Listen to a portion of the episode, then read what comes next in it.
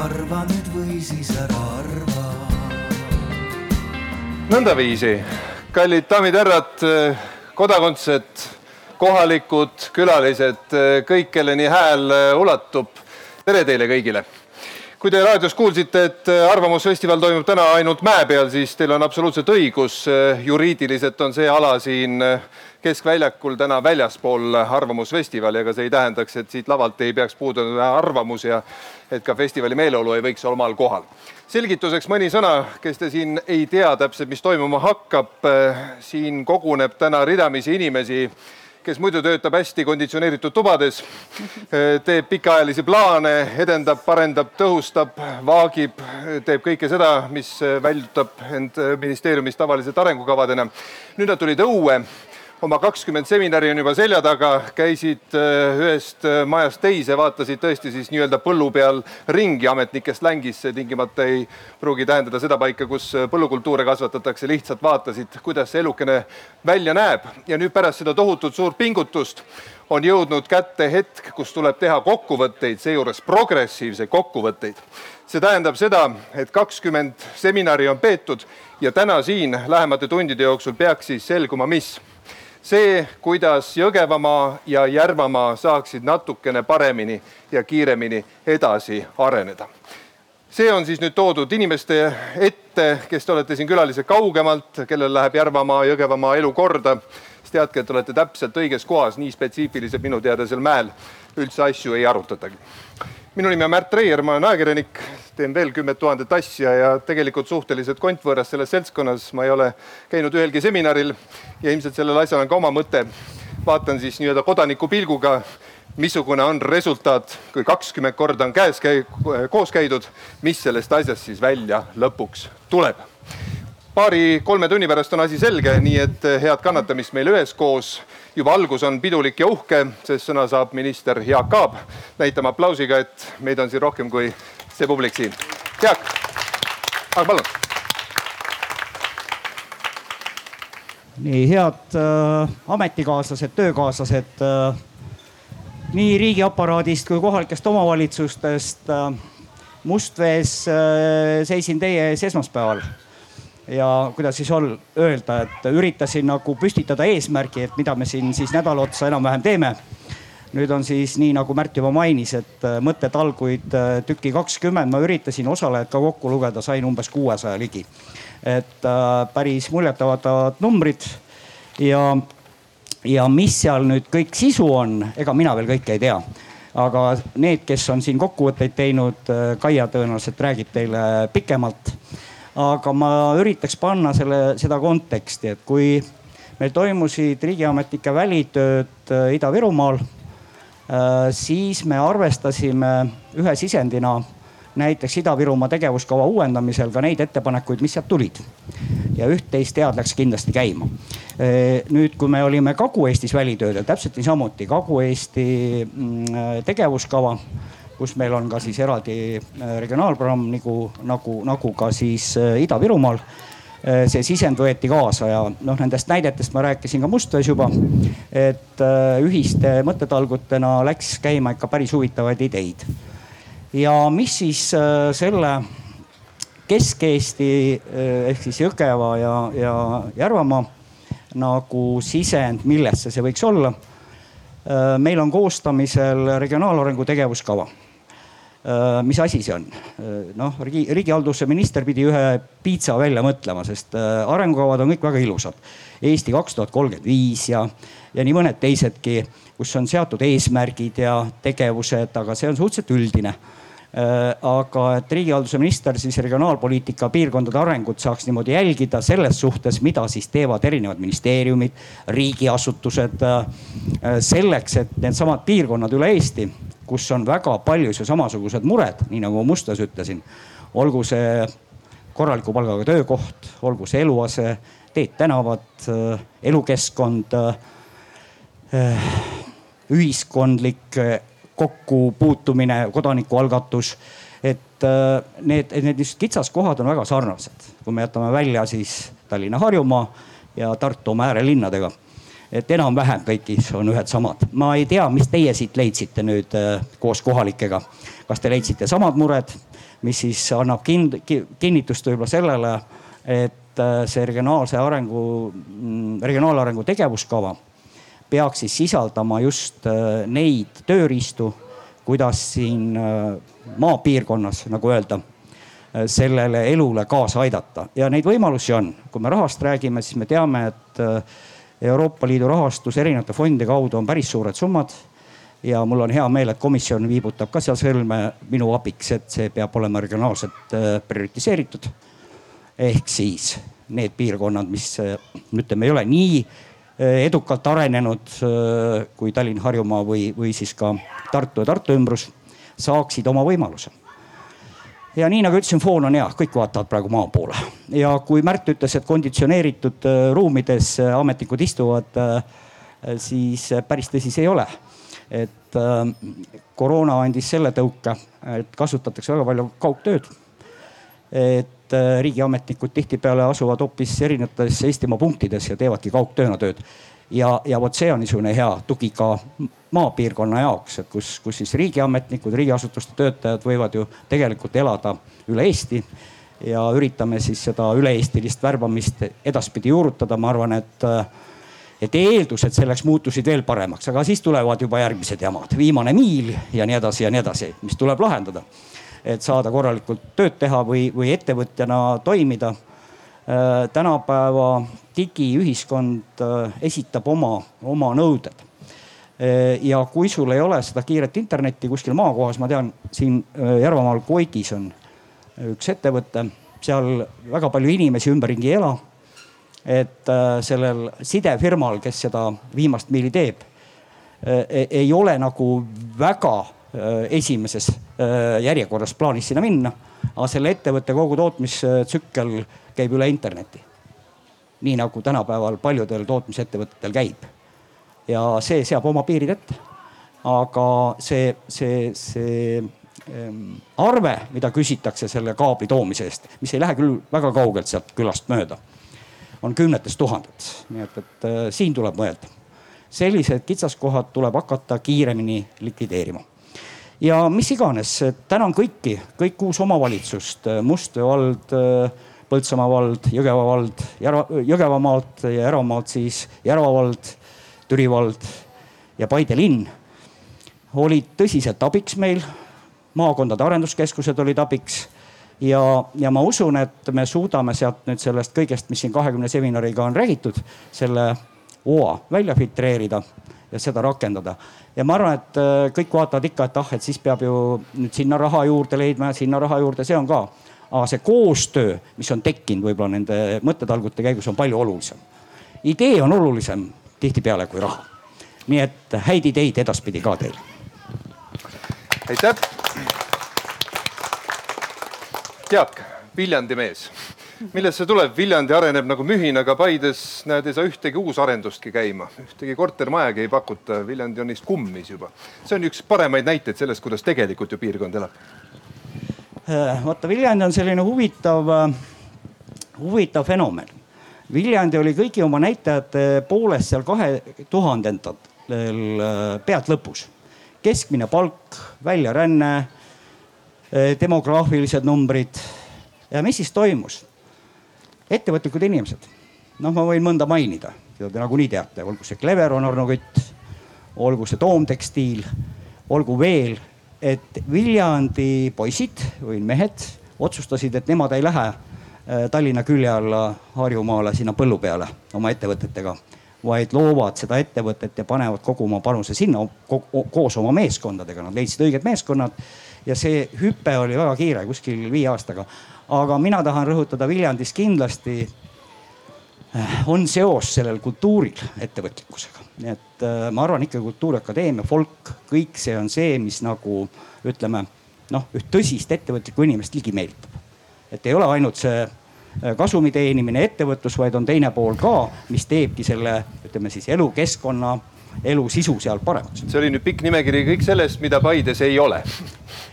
Ei saa nüüd nii öelda, Paides on väga palju huvitavaid ettevõtjaid, ma arvan, et Järvamaalt või Paidest saab varsti ju piimapealinn kui ma nüüd õieti ütlen. Äh, ja, ja, pealinn. ja, ja võib-olla noh, äkki tuli siit mõni idee, näiteks me, me anname ju Euroopa Liidu raha ka teatud kompetentsikeskuste loomiseks mille ümber siis koostöös kutse või rakendusliku kõrgharidusega annab nagu sellist innovatsiooni, paremat toodet, lisandväärtust äh, välja mõelda. et kui selline hea mõte on, siis näiteks siit võiks abi olla riigil on ju alati ka omad käegakatsutavad hoovakesed, mida saab teha ja üks hoovakene kulgeb siit mäokandist mööda, see läheb järjest laiemaks ja ehk saab kunagi tõesti sellest ka asja. rongid sõidavad, lõpuks sai isegi riigigümnaasiumile hoo sisse anda, mis kahtlemata oli ka mingil määral initsiatiivi taga. kas on midagi käegakatsutavat veel, mida on tegelikult ammu tahetud, aga mis on natukene poliitilise tahte, mis parata raha taga? no ma ei tea, siit peaks linnapeast küsima, mis see järgmine plaan on või, või, või kogu Järvamaalt, aga aga mm, ma arvan, et siin ei ole ka võluvitsa. Kõik see arendus äh, toimib läbi kohalike omavalitsustega, ma tuletan meelde ikkagi jälle, mis on läinud suuremaks, võimekamaks, suurema rahakotiga. riik tuleb oma programmide, meetmetega appi omavalitsuste ülesanne oleks mõeldagi selle piirkonna arendamise peale, mida iganes, noh kuskil Kagu-Eestis mõeldakse mainekujunduse peale, et turismi jälle üles ajada, vaadatakse kadedusega Ida-Viru poole, kus klaster töötab. Eh, mis on see Järvamaa võluvits, ma ei oska öelda, võib-olla neid on mitu. see on absoluutselt õige Te olete riigihalduse minister olnud mõnda aega, vahepeal küll ära hüpanud siia-sinna, aga kindlasti on käinud paljud omavalitsusjuhid teil seal laua taga nutmas natuke, küsimas midagi. kas, kas Järvamaa juhid ka kuidagi on joonistunud mingisuguse ühise asja poolest välja, et sa näed, et Järvamaa mees tuleb, see räägib kindlasti sellest? Nojah, vaata Kagu-Eesti, seal ei ole vaja küsida, seal öeldakse kruusateed on ju kuigi ma tean, Järvamaal on ka sellega mõnel pool probleeme. Te olete lubaduse täitnud, nad juba said kruusateed et, et no see teede tolmuvabaks tegemine, mis on igati nii inimestele oluline, ettevõtjatele oluline. ma arvan, et Järvamaal iseenesest nii Paide, Türi, kui me vaatame need keskused, on see kuidas siis öelda, need teenused, mida omavalitsus peab pakkuma, eks ju, olgu see haridus, olgu see sotsiaalteenused, olgu veel midagi muud, on iseenesest päris hea infraga välja ehitatud ja siin müts maha omavalitsuste ees. aga mingid arendusprojektid, kus me tooksimegi seda ettevõtlikku ettevõtjat äh, lisandväärtusega töökohta siin me ootamegi seda tagasisidet just kohalikelt omavalitsust, me oleme natukene ka raha andnud selle üle mõtlemiseks ja, ja, ja, ja mina saan lubada seda et järgmised need Euroopa Liidu regionaalrahad, mis tulevad äh,, ei hakka Tallinnast keegi ette kirjutama, et pange sinna, pange tänna. ise lepite siin kokku, kuhu teil vaja on, mis teil paremaks teeb ja saan öelda, et pool sellest rahast on mõeldud arendamisele, ettevõtlusele et koolid ja lasteaiad ja need on muudest vahenditest, aga, aga, aga just seda hoogu sisse piirkonnale tuleb anda kohalikele omavalitsustele. kas see lugu on nüüd möödanik, et hakkame arutama tõsimeeli selle üle, et üks väikene riigiamet tuua kuhugi teisele korrusele? jah, ma arvan, et see ei ole väga aktuaalne ja ma arvan, et äh, parem variant on see, kui meil on see üle-eestiline värbamine, kus paindlikult inimene saab valida. minu teada rahandusministeeriumis juba inimeste käest küsitakse, et kas sa tahad kontoris töötada või ei taha mhm. kontoris töötada. ja kui sa ei taha kontoris töötada, et mis tingimustel sa tahad töötada? üldse ei taha töötada ei, äh, aga seda saab teha niimoodi mitte asudes Tallinna kontoris seda võib teha asudes Tallinna või Paides siin näiteks eh, on, eh, kuidas siis on, ümberehitamisel ka riigimaja, kus on sellised universaalsed töökohad, kus ükskõik millise riigiasutuse ametnik võib töötada, aga miks mitte ka kodus. nii et need võimalused järjest suurenevad, suurenevad, suurenevad ühe küsimuse küsin veel selle ilusa sissejuhatava tervituse lõpuks. siin varem-hiljem tuleb jutuks jälle see, et kas Kesk-Eestisse peaks suhtuma kuidagi kui eraldi piirkonda, isegi need, kes räägivad Kesk-Eestist, mainivad Paide piirkonda, mainivad Jõgeva piirkonda, juba see tekitab ebamugavust. Jõgevamaa on ju vana Tartumaa osa ja nii edasi. kas see Paide ongi siin nagu üksi? terve Eesti on jagatud enamasti kolmeks või neljaks rakukeseks. Paide jääb alati mingisuguses ebanormaalses kohas kellegi serva peale, üks organisatsioon tõmbab ühele poole, teine teisele poole. kas meil peaks olema mingisugune parem visioon, mis räägiks sellest kui iseseisvast piirkonnast või ei?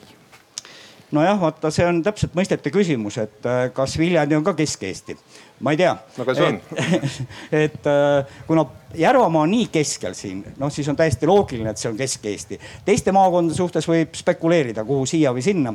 ma ütlen lihtsalt äh, noh, jälle sellesama minu jutu kinnituseks, et kui meil oli valitsuskabinetis arutelu, siis iga kord on kerkinud ülesse.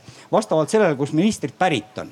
et meil on Ida-Viru programm ja, ja meil on Kagu-Eesti programm. et millal tuleb Kesk-Eesti programm, millal tuleb Lääne-Eesti programm, väikesaarte programm meil on, suursaarte programmi meil ei ole, eks ju et äh, ma, aga nagu ma ütlesin, väga sarnased probleemid on üle Eesti pigem tuleks neid universaalseid äh, abitoetusi ja meetmeid kasutada näiteks eluaseme soetamisel me teame, need meetmed on välja töötatud, loodame, et ükskord käivituvad korterelamute korrastamisel, pooltühjade majade tühjendamisel ja lammutamisel isegi et need asjad liiguvad ja need jõuavad ka siia.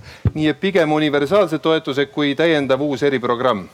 Jah, ma arvan küll, et me oleme jõudnud nii kaugele, selle Ida-Viru ja Kagu-Eesti juures me oleme piloteerinud teatud asju, mis toimivad ja niisuguseid asju võiks üle Eesti kasutada. Jaak Aab, aitäh tulemast Paidesse, aitäh! aitäh ja jõudu teile! Kui saate meie sekka jääda, on tore, kui amet kutsub, siis on arusaadav muidugi, kui peate sõitma, aga me läheme nüüd äh, sellesama kahekümne semestri tunni äh, tulemuste vaatamise juurde ja kuulan minagi kõrvad kikkes peas. Äh, Kaia Sannet Rahandusministeeriumist tulnud meile külla ja osalenud ka aktiivselt, käed mullased otsas ja räägib meile nüüd, mida välitöödel siis arutati ja kuidas Rahandusministeeriumi vaatest just sellest regionaalaspektist asi silma jäi. palun jah, tundub, et mul on see au siis teha kokkuvõte seminaride kokkuvõtete kokkuvõtetest, nii et siis andestage mulle, kui ma mõnes kohas midagi valesti räägin, sest arusaadavatel põhjustel kõikidel omavahel kattuvatel seminaridel ma ise nagu viibida ei saanud kui, kui avakonverentsil meil Jaak Aab küsis, et kas me leiame võluvitsa selle piirkonna arenguks, siis no peab tunnistama, et seda ühte vitsa me ei leidnud, aga, aga ikkagi oli mitmeid tõdemusi ja ideid, kuidas seda, seda maakonda, neid maakondi suuremaks ja elavamaks muuta. ja, ja tundub, et see on võimalik, see on võimalik siis, kui meil on kujutlusvõimet ja, ja peabki olema häid ideid, et ega see Arvamusfestival ju nüüd ka esimese aastaga kohe seda Paidet ja, ja Järvamaad suureks ei teinud, selleks on läinud aastaid aega, aga nüüd ta on nii suur, nagu ta on. ja miks siis ei võiks hakata fantaseerima, et mida veel siinkandis peaks tegema, nendes maakondades peaks tegema, et see Arvamusfestival leviks üle piiride ja oleks, oleks erinevates vormides igal pool nähtaval mis veel sellist üldist, enne kui te siin kuuma rabanduse saate, siis ma võtan sellised kiiresti kokku ja siis hakkan rääkima eraldi kõikidest seminaridest. Ja siis tõesti, kui kellelegi tundub, et ma ütlen midagi valesti, siis lehvitage kätt, öelge vale, vale, maha, võite, võite sekkuda kohe. no mitu korda puutusime kokku selliste ekslike müütidega, nagu ikka, et aastaid on levinud selline kuvand, et äh, Järvamaa ja Jõgevamaa, seal ei toimu mitte midagi no nüüd me kohtusime väga palju kohalikega, meid viidi ilusatesse kohtadesse, me näeme, et toimub ju, toimub väga palju, aga see, mis toimub, on kõik kinni inimestes. niipea kui Järvamaal või Jõgevamaal on aktiivsed inimesed, siis seal ka toimub, nii et see oli vale, see on vale müüt.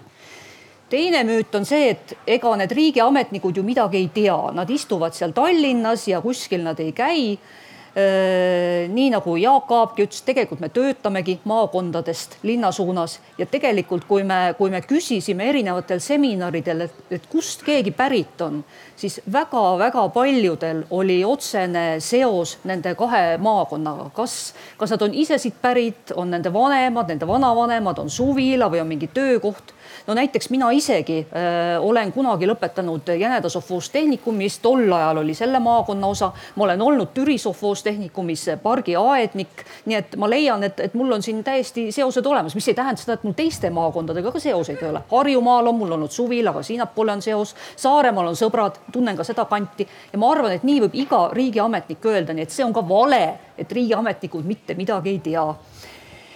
niisiis ja mis, mis siin maakondades veel siis me nägime, et potentsiaal on siin väga suur ja lihtsalt on vaja luua sellist identiteeti ja lugu, mille peale oleks võimalik ehitada äh, nii elukeskkonna parandamist, nii turismisektori tõusu, nii keskkonnatehnoloogiate kasutuselevõttu, kõike muud, aga mida selleks vaja on, tundub, et selleks on vaja veel rohkem koostööd, riskijulgust, hulle ideid ja osalemist pilootprojektides jah, tõesti mõnel seminaril heideti omavalitsuste poolt meile ette, et mis poli-, pilootprojektid, et annate korra raha, siis võtate ära, et mis raha eest me siis neid asju edasi teeme.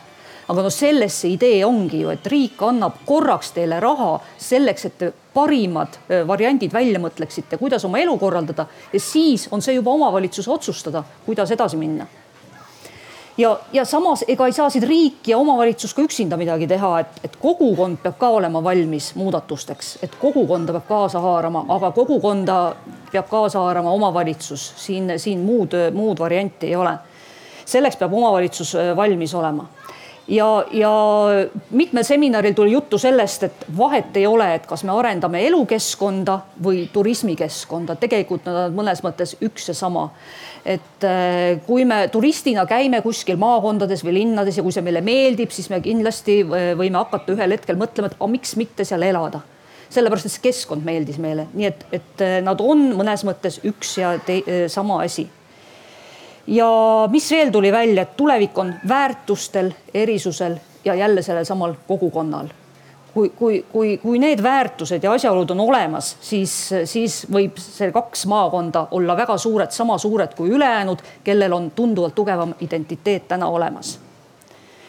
ja ühel seminaril kuulsin ka seda, et eh, Paide teatri inimesed on öelnud, kes on nüüd siin juba mitu aastat olnud ja ennast sisse söönud ja ka Paidet suuremaks ehitavad, et kõige suurem probleem omavalitsustes on kujutlusvõime kriis. ma arvan, et see ei ole ainult omavalitsustes, eks see on riigiametites ikka ka, kujutlusvõimet on vaja julgeda mõelda, uusi ideid pakkuda, kõik ei realiseeru, aga noh, mõned realiseeruvad. ja eks nii ole selle meie, meie seminaride tulemustegagi, et, et eh, sai ju mitmeid ideid kirja pandud, kõik kindlasti ei realiseeru aga see ei tähenda seda, et me peaks nad kohe laualt maha pühkima ja me nendega ei tegele, et, et tegeleme, vaatame otsa, vaatame, mis on need, mis on elujõulised, mis jäävad ellu. nüüd siis hakkan vaatama, mis seminaridel toimus, sest te kõik ei käinud ju kõikidel seminaridel, te ei tea, aga ma teen seda hästi lühidalt, ma luban seda, et tõesti, ma väga palju ei, ei, ei räägi. Neid oli ju kakskümmend tükki, nii et eh, kakskümmend kokkuvõtet. rongiseminar väga põnev seminar, see toimus siis rongi peal, Tallinn-Jõeva rongi peal, osalejaid oli vähe, aga räägiti põhiliselt vesinikukütuse pilotiseerimisest. E, ei otsustatud küll ära, et kas piloteerida busse, Hiiumaa praame, e, sedasama rongi või midagi muud, Järvamaa transporti, aga, aga idee jäi lauale, nii et sellega saab edasi tegeleda. avakonverents, seal osales peaaegu et e, enam, enamik teist ja selle põhiline järeldus oli see, et oluline on regionaalse koostöö soodustamine riigi ja omavalitsuste vahel, aga samas selle tegemine koostöös kohalike kogukondade ja ettevõtjatega. panustama peab taristusse ja, ja nagu ikka, peaaegu et igal üritusel või igal arutelul tuleb välja nii, et hakatakse rääkima regionaalsetest maksusoodustustest, mis muidugi meie maksupoliitikuid väga rõõmsaks ei tee, aga, aga teema on üleval, sellest räägitakse pikalt Peipsimaa turismiseminar toimus järgmisena Kasepää lauluväljakul. no selles mõttes see Peipsi kant ja Peipsi programm on üldse erilised, et, et see ületab mitte ainult omavalitsuste piire, vaid ka maakondade piire ja siin, siin tõesti Jõgevamaa üksi ei saa selle piirkonnaga midagi teha. ja siin on vajalik tugevam regionaalne mõõde ja koostöö pakuti välja, et siin võiks eh, tekkida selline programm nagu Peipsimaa PKT, liidertegevused võiks eh, spetsiifilisemaks minna, riigiasutusi võiks sinnakanti tuua, elektrivõimsust on vaja. Ja muidugi puhta vee ja kanalisatsiooni küsimused olid seal ka väga-väga suuresti üleval no väikse probleemina nähti ka Mustvee valla poliitilist olukorda ja seda, et stabiilsust ei ole ja kui stabiilsust ei ole, siis on väga raske arendada, et ei ole ükski spa tegija, ettevõtja valmis tulema omavalitsusse, kus tal puudub kindlus, kas tal ehituslubasid ja planeeringuid menetletakse või ei menetleta või, või mismoodi neid menetletakse. nii, siis jõudis kohale järgmine päev ja me hakkasime rääkima kultuurist kohaliku arenduse eeldusena leiti, et maakonna tasandil ei ole kultuurikorraldus pärast maavalitsuste reformi selge, juhtimine on kohati puudulik ja koostöö omavalitsuste vahel on tagasihoidlik. et oleks vaja programme, selliseid nagu Teater maale, Kunst maale, Riik maale mainiti ka seda, et rohepööre tähendaks uute hoonete ehitamise asemel pigem kultuuriväärtuslike hoonete renoveerimist ja huvitav moment tuli siit Rail Balticu toetuseks, et mainiti, et mõned keskkonnahoidlikud Euroopa kultuurikorraldajad näiteks keelduvad korraldamast üritusi seal, kus puudub rongiühendus, ehk siis nad keelduvad lennukitega sõitmast, vaid tahavad teistsuguste transpordivahenditega kohale jõuda. Selge on see, et see kultuurivaldkond on nii lai eh, ja, ja selle sisustamine nii mitmekesine, et see vajab selgeid kokkuleppeid ja juhendamist ka riigi poolt sest äh, omavalitsus saab teha kõik seda, mis on tema võimuses, aga riigipoolne professionaalne toetamine on väga vajalik, seda äh, eriti näiteks laulupeo ja tantsupeo kontekstis. Tuleks ka harida omavalitsuste juhte ja ka volikogu liikmeid selleks, et nad saaks aru, kui tähtis see kultuuripärand meil ikkagi on. no siis võeti järgmisena ette teema, et kuidas kasutada raamatukogu see teema oli minu arust ka meil juba Kagu-Eesti eh, välitöödel eh, üleval ja seal leiti ka, et see raamatukogu võiks muutuda selliseks kogukonnakeskuseks. Ja mulle tundub, Piret, et, et ka siin jõuti samale järeldusele ja võib-olla lihtsalt me oleme täna juba targemad, kui seal Kagu-Eestis oleme, elu on natukene edasi läinud, teatud programme on proovitud eh, sisustada ja eks see kaugtöö annab ka natukene juurde. Ja ma olen kuulnud ka raamatukogudes käib väga aktiivne vaktsineerimispasside väljaprintimine, et selleks on ka need raamatukogud täna vajalikud ja need tuleb lahti hoida ja neil peab olema tehniline varustatus ja e-lahendused ja kõik peavad raamatukogudes olemas olema. Ja kuulda on, et ka on, et seal ei ole probleemi, et arvutit ei ole või, või arvuti ei, ei tööta. ja eks nad nii neid oma, oma valla vanemaid inimesi ka õpetavad ja toetavad seal siit tuli idee, et riik võiks koordineerida üleriigiliselt raamatukogude kaasajastamist, võiks luua meetmeid siis nende, nende raamatukogude baastaristu parandamiseks, teha koolitusi ja, ja tegema rohkem suuremaid konverentse ja ma üldse ei kahtlegi, et Piret sellega tegeleb ja need on, need on tulemas nii, läheme kultuuri poolt siin äh, sotsiaalhoolekandesüsteemi ressursitõhusa korraldamise seminari juurde, see toimus Kuremaa mõisas, ise ma olin ka seal, see oli väga põnev ja aktiivne seminar. ja, ja seal äh, alustuseks oli rahandusministeeriumi ettekanne, kus me näitasime ära, millised need omavalitsuse finantsvõimalused üldse on ja, ja tegelikult arvud näitavad, et omavalitsustel on seda ressurssi, mida nad saavad panustada sotsiaalvaldkonda rohkem kui nad täna seda teevad, et see on suuresti valikute küsimus, mida omavalitsus oma rahaga teeb. Aga kui me ka rahaliselt ei suuda võimestada, siis alati saab parandada teenuste kvaliteeti, kasutada selleks näiteks teenuse disaini meetmeid ja keskenduda mitte sellele, milliseid selliseid universaalseid teenuseid on võimalik pakkuda, vaid pigem ka sellele, et millist teenust konkreetne inimene ta, öö, vajab ehk siis just see disaini küsimus, et võib-olla ta ei vaja ainult sotsiaalteenust, ta vajab veel midagi muud, vajab sellist komplekssemat eh, teenust. See oli väga asjalik arutelu ja, ja ma usun, et siin, siin tundus, et on, on huvi nii omavalitsuse kui ka, kui ka riigipoolne. Ja, ja riigilt oodatakse küll, et sellised nagu Äh, kriteeriumid ja, ja meetmed ja juhendamine toimuks siis keskselt, et, et iga omavalitsus ei pea seda ise välja mõtlema, omavalitsuse roll on pigem vaadata, mis on need vajadused, mis on konkreetselt tema inimeste vajadused ja siis koos välja töötada meetmed et siin on, siin on suur võimalus, et kuidas siis need rahastusmudelid tulevikus on ja milliseid seadusi on vaja muuta, sest seda on ka vaja teha.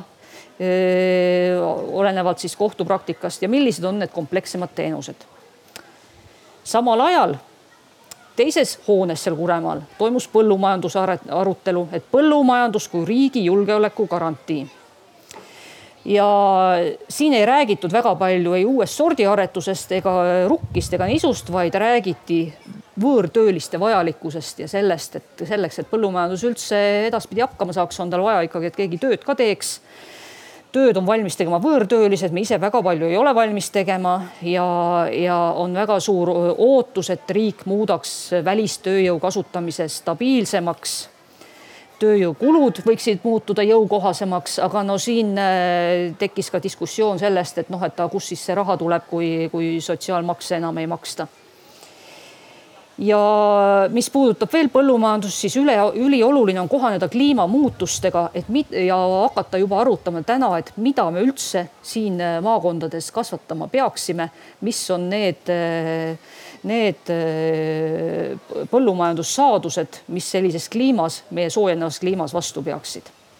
aga vast kõige olulisem on see, et üha nii sellel arutelul, põllumajanduse arutelul kui ka tegelikult elukeskkonnas, turisminduses ja nii jõuti välja selleni, et selle Jõgevamaa ja Järvamaa äh, ühine nimetaja on, äh, on toit, kohalik toit ja, ja, ja need maakonnad on meie Eesti äh, toidusalved ja isegi nende kottide peal, mis jagati esinejatele, oli kirjas, et Jõgevamaa katab teie laua. et see on niivõrd hea slogan, et seda me võiks nagu meeles pidada ja kui läheme poodi ja näeme, et midagi on toodetud Jõgevamaal, siis võiks ju, võiks ju seda osta täiesti.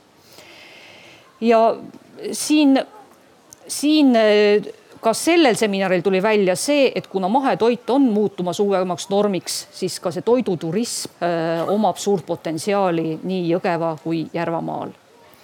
Ja koolikokkadest räägiti ka et, et koolikokkasid peaks koolitama ja seda võiks teha ka tsentraalselt selleks, et nad saaks aru, mis asi on mahetoit, milline on tervislik toit. ja rohehankeid siis selle toidu hankimiseks võiks teha regionaalsetena, mitte ühe omavalitsuse või kooli, kooli raames. järgmine teema on kohe, no pealkiri on kohutav küll, vanemaealiste vägivald varjust välja et äh, küsimuseks oli siis, et kuidas vähendada eakate vastast äh, vägivalda. ja esmasena leiti, et tegelikult on vaja, et vanemaealised ja eakad saaks ise aru, mis asi on vägivald. Nad tajuks selle ära, mis hetkel nende, nende suhtes kasutatakse vägivalda, sest see võib olla ka emotsionaalne vägivald ja, ja ettepanekutena tuli välja, et tuleks luua võimalused eh, meditsiinitöötajate paremaks rakendamiseks, kasutada ära KÜSK-i-meetmeid, eh, kogukondlikke teenuseid ehk siis, et seda vägivalda märgataks ja osataks eh, abi pakkuda. ja, ja oli ka idee, et miks mitte kirjutada eakate vastase vägivalla teemalisi stseene sisse Õnne kolmteist seriaali, mis on täiesti võimalik, sest see, see elanikuгrupp on seal ju täiesti seriaalis juba täna olemas ja vaja on laiapõhilist ennetustööd, teavitamist ja kogukonnatööd, kuulata eakat inimest ja tuleb uurida ka, kui palju seda vägivalda üldse esineb, selgus, et seda ei ole uuritudki, oli küll idee, et see võiks olla järgmise rahvaloenduse üheks küsimuseks, aga tegelikult rahvaloenduse küsimused, ma tean, on ammu lukus juba, sinna enam lisada ei saa. mis ei tähenda seda, et see üksikuid uurimisi või küsitlusi ei, ei oleks võimalik teha, need ei maksagi nii palju ja neid saab kergelt, eriti kui ainult maakonda haarata nii nüüd siis elamuarendus suurlinna tulede varjus, mis toimus Põltsamaal. ja millest räägiti? sellest, et suurlinna tuled on nii pimestavad, et arendused maapiirkonda ei jõuagi. ja et siin saaks KOV võtta suuremat rolli, aga selleks on vaja riigi tuge. no eks probleemiks on ka muidugi demograafilised muudatused ja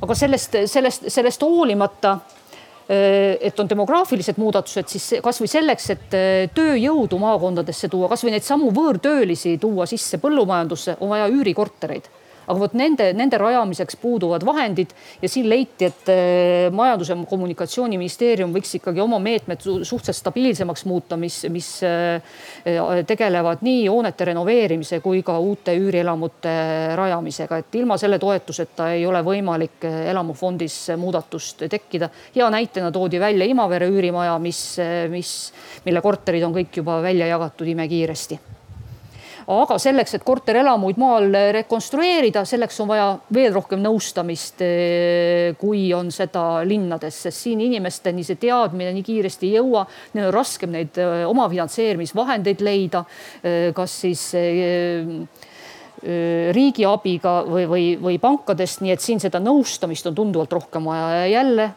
kohalikud makid saavad seda tööd väga edukalt teha võtsime ette ka kartmatult kohaneva väikekeskuse. tekkis küll diskussioon, et kas kohanev väikekeskus või kahanev väikekeskus. et lõpuks leiti, et ärme räägi kahanemisest, et see on kuidagi negatiivse varjundiga, et, et kahaneda saab ka niiviisi, et see on positiivne, ta toob mingit uut väärtust, elukeskkond muutub paremaks, ehk siis räägime eh, kohanemisest. me kohaneme selle olukorraga ja me võtame sellest olukorrast eh, parima ja miks seda vaja on, sellepärast et väikekeskused on nii olulised, kui need kaovad, siis tegelikult kaob kõik, kaob kool, kaob pood ja kõik muu, nii et väikekeskused on väga olulised, kuigi me viimastel aastatel rohkem riiklikul tasandil oleme rääkinud küll maakonnakeskustest, et maakonnakeskus, kui on tugev, siis jääb ka ülejäänu alles. aga no tegelikult ega me ju ei taha, et kõik, kõik kogu see maakonna rahvas siia keskusesse kolib, vaid, vaid ikkagi väiksemad keskused jääksid ka ellu. kuigi ega siin tihtipeale minu, minu peas ei olegi nagu väga selgust, kumb on nüüd suurem, kas Paide või Türi, et nad on mõlemad märgiliselt nii olemas, et, et kas, kas te tahate siis öelda, et Türi on väikekeskus või ei ole ju, ta on samasugune maakonnakeskus nagu Paidegi, pigem kaksiklinnaga tegemist. ja ja leiti, et kuna maakonnakeskuste heast avalikust ruumist on juba aastaid räägitud, siis nüüd on aeg hakata rääkima väikekeskuste avalikust ruumist ja selle kvaliteedist, sest kui seda kvaliteeti seal ei ole, siis nagu ennist oli juttu, ei taha keegi seal elada, ei taha sinna turistid tulla ja hakkab selline mandumine peale ja tegelema peaks siis sellise kohaloome ja koosloomega, aga keegi ei saa tulla riigi tasandilt ütlema, et milline see asukoht peab olema, ega keegi ei saa Kuremaad minna meie poolt siit Tallinnast planeerima, et seda peavad ikka kohalikud ise tegema. omavalitsus koos oma kogukonnaga peab otsustama, millist keskkonda nad tahavad, millist aktiivsust nad tahavad seal näha. Ja vastavalt nii see areneb, arenebki. riik saab teha seda, et tal on mingid toetusmeetmed, kus saab toetada, me saame, saame abistada, nõu anda. Aga, aga see idee ja energia on kohapeal olemas. Kuremaa alevikus näiteks lubati teha ruumikava Nemad, nad ütlesid, me ei kavatsegi kahaneda, meie kavatseme kasvada, et ärge lootke, et me siin kahanema hakkame, meil tuleb noori inimesi ainult juurde. ja toodi ka sellel seminaril väga tore analoogia jõega. et kui, kui kui on vool ja kui vool on kahaneda, siis tuleb teha ujumisliigutusi selleks, et vooluga mitte kaasa minna. Ja tegelikult see olekski nagu väikekeskustele selline juhend, et ujuge ja siis on võimalik sellest kahanemisest äh, pääseda õigemini, kohaneda nii, et kõigil on hea olla. ja üks loosung tuli ka veel sellelt seminarilt, et äh, Paide võiks olla kui Kesk-Eesti kalamaja siia saab väga kiiresti mööda seda maanteed, siin on juba sinna alge olemas, natuke sellist kalamajalikku hõngu ja tõesti aurat ja fluidumit on ka, et seda saaks edasi arendada. teater on ka juba olemas, nii et äh, esimesed sammud on tehtud, järgmisi on vaja. liikumusharjumuste seminar. no ega täpselt ei saanudki alguses aru, et millest seal rääkima hakatakse, aga, aga lõpuks siis selgus see, et, et täna sain teada siis, millest sa rääkisid, et nagu kliima soojenemine, siis me arvame, et, et see, see liikumise teema, see nagu meid ei puuduta, noh, et eh, ma ju sõidan rattaga ja kõnnin ja, ja see puudutab naabrit, et mind see ei, ei puuduta, et eh, aga kui hakata vaatama statistikat, siis selgub, et enamus inimesi liigub liiga vähe ja haigeks jääme me ka rohkem, kui seda oleks eh, sobilik. ja, ja kõik see tuleneb sellest, et puudub liikumusharjumus võib-olla peaks olema motiveerima ravikindlustussüsteem, oli üks idee, mida arvati, siis liikumist toetava ettevõtluse toetamine, liikumisnõustamine, keskkonna arendamine. eks no mulle isiklikult küll tundub, et kõiki neid asju veidikene nagu tehakse, aga nähtavasti on seda vähe ja seda tuleb lihtsalt rohkem teha. leiti ka, et kui see Kesk-Eesti programm võiks tekkida et siis siin, seal võiks tähelepanu pöörata just nendele kergliiklusteedele, spordiväljakutele, koolihoovide rajamisele. hüppan edasi, kuidas pöörata roheliseks ehk siis rohepööre, see toimus Türil. ja järgmine, järgmine teema oli veel ka rohuleppe, roheleppe elluviimine kohalikus omavalitsuses, mis oli ka Türil eh, majas Konn, kogukonna seltsi majas Konn. Need olevat väga aktiivsed seminarid olnud, kus ma kahjuks ise ei olnud. aga see roheteema tuli veel ka ettevõtlusseminaril jutuks ja ka tegelikult seal elamuehituse puhul.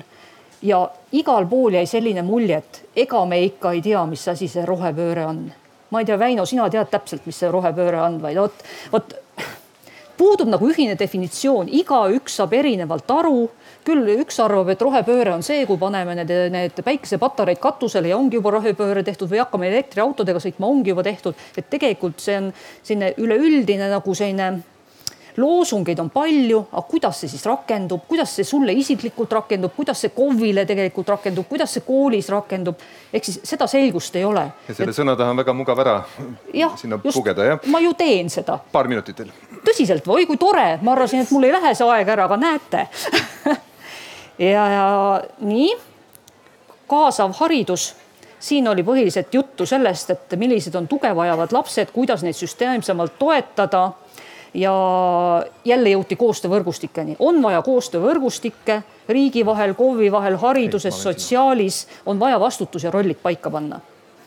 ja on ka muidugi tugispetsialistide järelkasvu teema.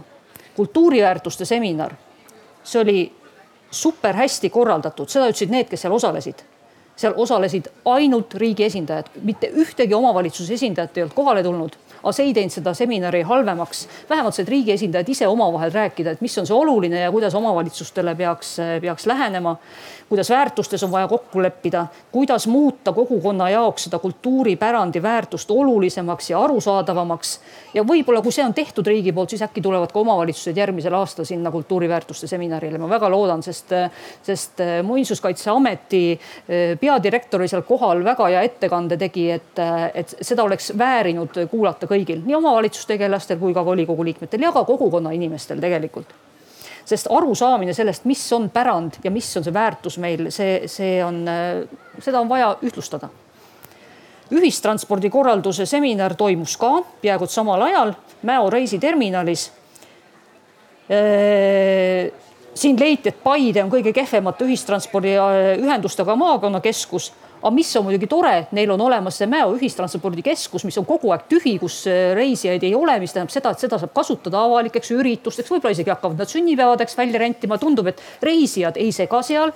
nii et siin on, siin on tõesti potentsiaali täiesti olemas. riik nägi seda ette kindlasti, et selline peopaik tekib jah, eks siin oli mitmeid ideid veel ühistranspordi vallas, aga tegelikult on vaja ikkagi kuidagi see lahendus leida. maanteeamet osales seal aruteludel ja loodame, et see teema, et miks, miks Paidest ei ole võimalik kuskile sõita bussiga, et see ei kao, see on endiselt üleval ja, ja endiselt arutatakse ettevõtlusseminar toimus siin Muusika- teatrimajas, osales ka ettevõtlusminister, väga aktiivne arutelu oli ja ka siin leiti, et kõige tähtsam on see, et omavalitsus saaks aru ja seaks reeglid, kus ta tahab arendada ettevõtlust, millistel tingimustel, aitab kaasa infraga. Ja siin on võtmekoht just väiksematel maakonnakeskustel ja ka väikekeskustel, sest kui Tallinna linnas peate te tegema planeeringut seitse aastat, vahest ka kümme aastat, siis siin on teil äkki võimalik see ühe aastaga kätte saada ja ettevõtlus püsti panna kiiresti. niisiis, üks veel, üks veel, ennetustega muutuste poole oli üks, siin oli siis praktika jagamise päev et eh, kui ootused kasvavad ennetuse osas, siis tuleb teha ka suuremat koostööd.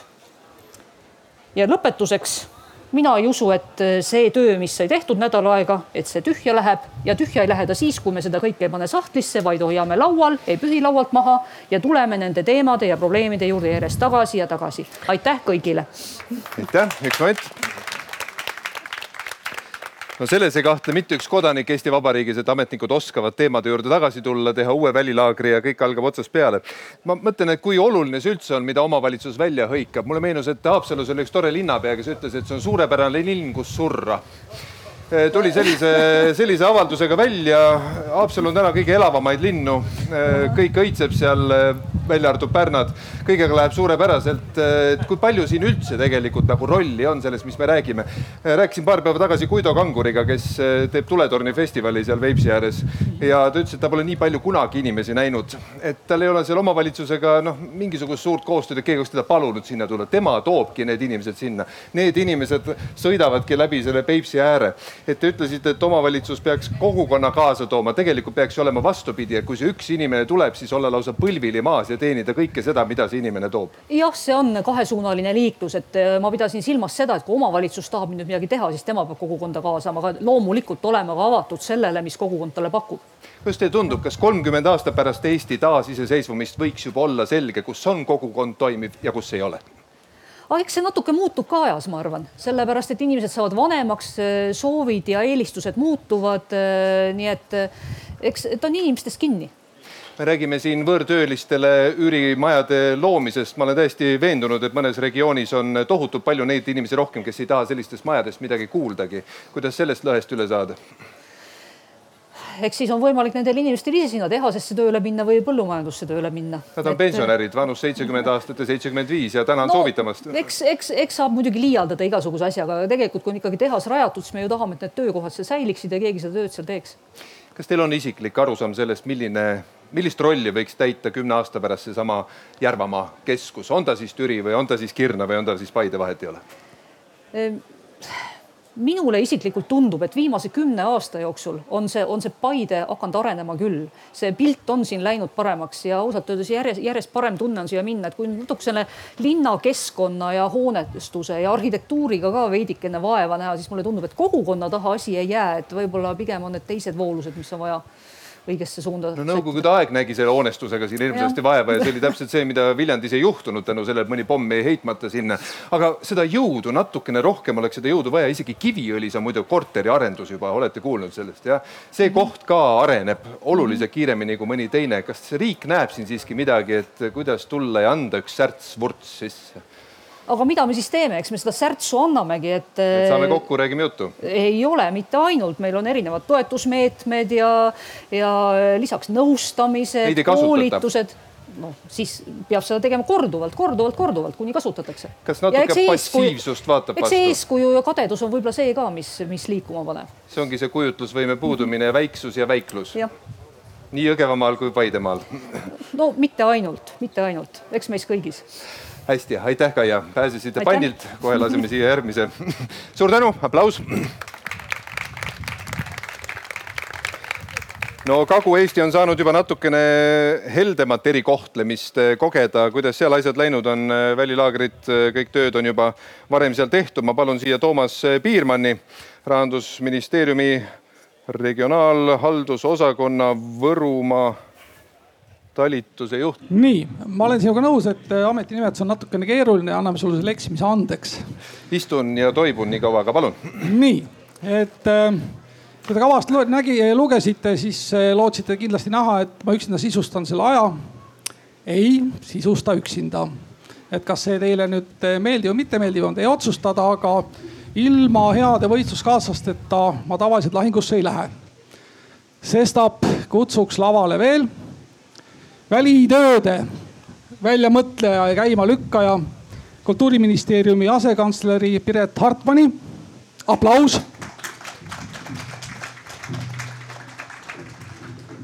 nii, järgmisena kutsuks lavale sotsiaalse innovatsiooni terminaatori, sotsiaalministeeriumi asekantsleri Rait Kuuse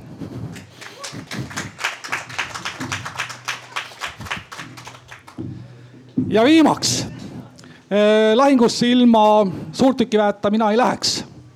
et eh, meie raske suurtükivägi, Majandus-Kommunikatsiooniministeerium, asekantsler Ahti Kuningas.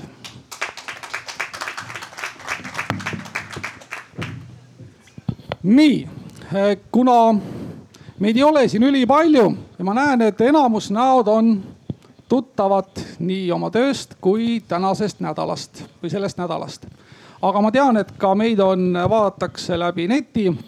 et eh, esmalt me natukene räägiksime, miks me neid välitöösid teeme ja miks see mõte oli üldse neid teha ja ma annaks kõigepealt sõna Piretile, et tema selle idee käima lükkas, et miks? tere, ja toimib väga hästi. tere päevast ka minu poolt, kellele veel ei ole tere öelnud ma just äh, siia sõites ka mõtlesin, et kuidas see asi tegelikult alguse sai, et äh, tavaliselt, kui head asjad juhtuvad, siis ikka tehakse toimkond või töörühm ja istutakse kokku ja arutatakse, et kuidas mingit muret lahendada või kuidas mõne hea ideega välja tulla. et äh, välitööd sündisid tegelikult nii, et viis aastat tagasi alustasin asekantsleri ametikoha täitmist või nende ülesannete täitmist ja sain aru, et, et selleks, et aru saada, mis mu valdkonnas toimub, tuleb mul sõita Ida-Virumaale, sest äh, lõimumisvaldkond on see, millega ma igapäevaselt tegelen. ja kuigi ma olen sealt ise pärit, siis äh, noh, olin ma olnud ka pikalt seal eemal ja kogu Virumaad ma nii hästi ei tundnud ka. ja oma hea kolleegi Eduardiga, kes siin ka ringi kõnnib, me läksime nädalaks ajaks sinna äh, korraldasime väga palju kohtumisi, võtsime kaasa oma osakonna ja Integratsiooni Sihtasutuse. ja kui me sellest mõttest oma kolleegidele rääkisime, siis nad ütlesid, et väga lahe idee, et kui te lähete järgmisel aastal Ida-Virumaale, võtke meid kaasa. ja siis me Eduardiga mõtlesime, et me võtame siis kaasa, et võib-olla on kümne inimese asemel kakskümmend. aga kui me ette valmistama hakkasime, siis oli neid inimesi üle kahesaja pluss siis kõik kohalikud inimesed ja veel äh, erinevad online seminarid, mille raames ühel osales seitseteist tuhat äh, Narva inimest. nii et nendest kasvas äh, midagi, mida me võib-olla alguses ei lootnud aga see mõte oli tutvuda, teha koostööd, teha erinevate valdkondadega koostööd ja tunnetada, mis tegelikult põllul toimub. Ahti, tahad sa täiendada? miks? Mind tõmmati paati lihtsalt mingi hetk, aga, aga ma võin öelda, miks see vajalik on, et äh, tõesti äh, paljusid otsuseid saab tehtud puhtalt statistiliselt, eriti teedeehituses, et. Äh, et siis sa näed, et statistiliselt mingid piirkonnad lähevad kogu aeg halvemaks ja kui sa neid järgi ei aita, siis see on suht sihukene surnud, surnud lõpp, et. et see natuke avas silmi ja mingisugused metoodikaid ümber tegema ka suunas Rait, tahad sa täiendada? noh, ma võib-olla lisan sinna nii palju, et noh, mul on sellised oma välitööd olnud ka lisaks nendele suurtele välitöödele siin viimased neli aastat, et ma olen käinud äh, igal aastal vähemalt ühe nädala suvel töötanud kuskil omavalitsuses ja sellele välitöödele mul eelnes ka siin Põltsamaa vallas äh, selline väike praktikanädal.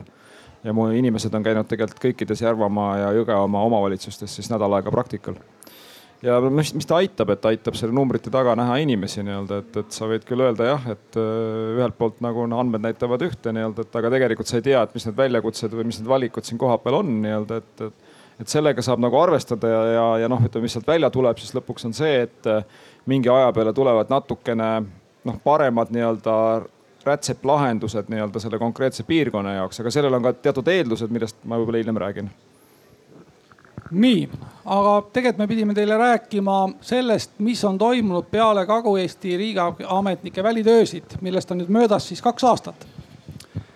et öö, ähm, osales meil üle seitsmesaja erineva inimese ja ettepanekuid, millele võiks keskenduda ja kuhu edasi minna, tuli päris palju. ja eestvedajaid leidsime me kuskil kolmekümne ühele tegevusele. leppisime siis eestvedajatega mingid tegevusplaanid kokku leidsime neile koostööpartnerid ja niimoodi see elu meil käima läks. et seda soovitust, et tehke selline Exceli tabel ja andke minna. ja mis ma siis toon teile näiteks, et eh, mida kogukonnad vedasid väga tublisti. Eh, kes, tõstke käsi, kes teab, mis asi on kupland? nii, no pooled inimesed peaaegu teavad, mis asi on kupland et eh, Kupland on siis eh, Kagu-Eesti ülene projekt, eh, kus koondatakse kaugtöökohtade, tehakse kaugkohtade võrgustik, kus siis on olemas oma koduleht, projektijuht, tehakse turundust ja sellele andis kindlasti vunki juurde ka see saabunud koroonakriis, et kaugtöökohti vajati rohkem. et nüüd ma tean, et kiigatakse juba välisturule ja ma olen kuulnud, et vist äkki on tulemas varsti ka Saarland ja Keskland ja nii edasi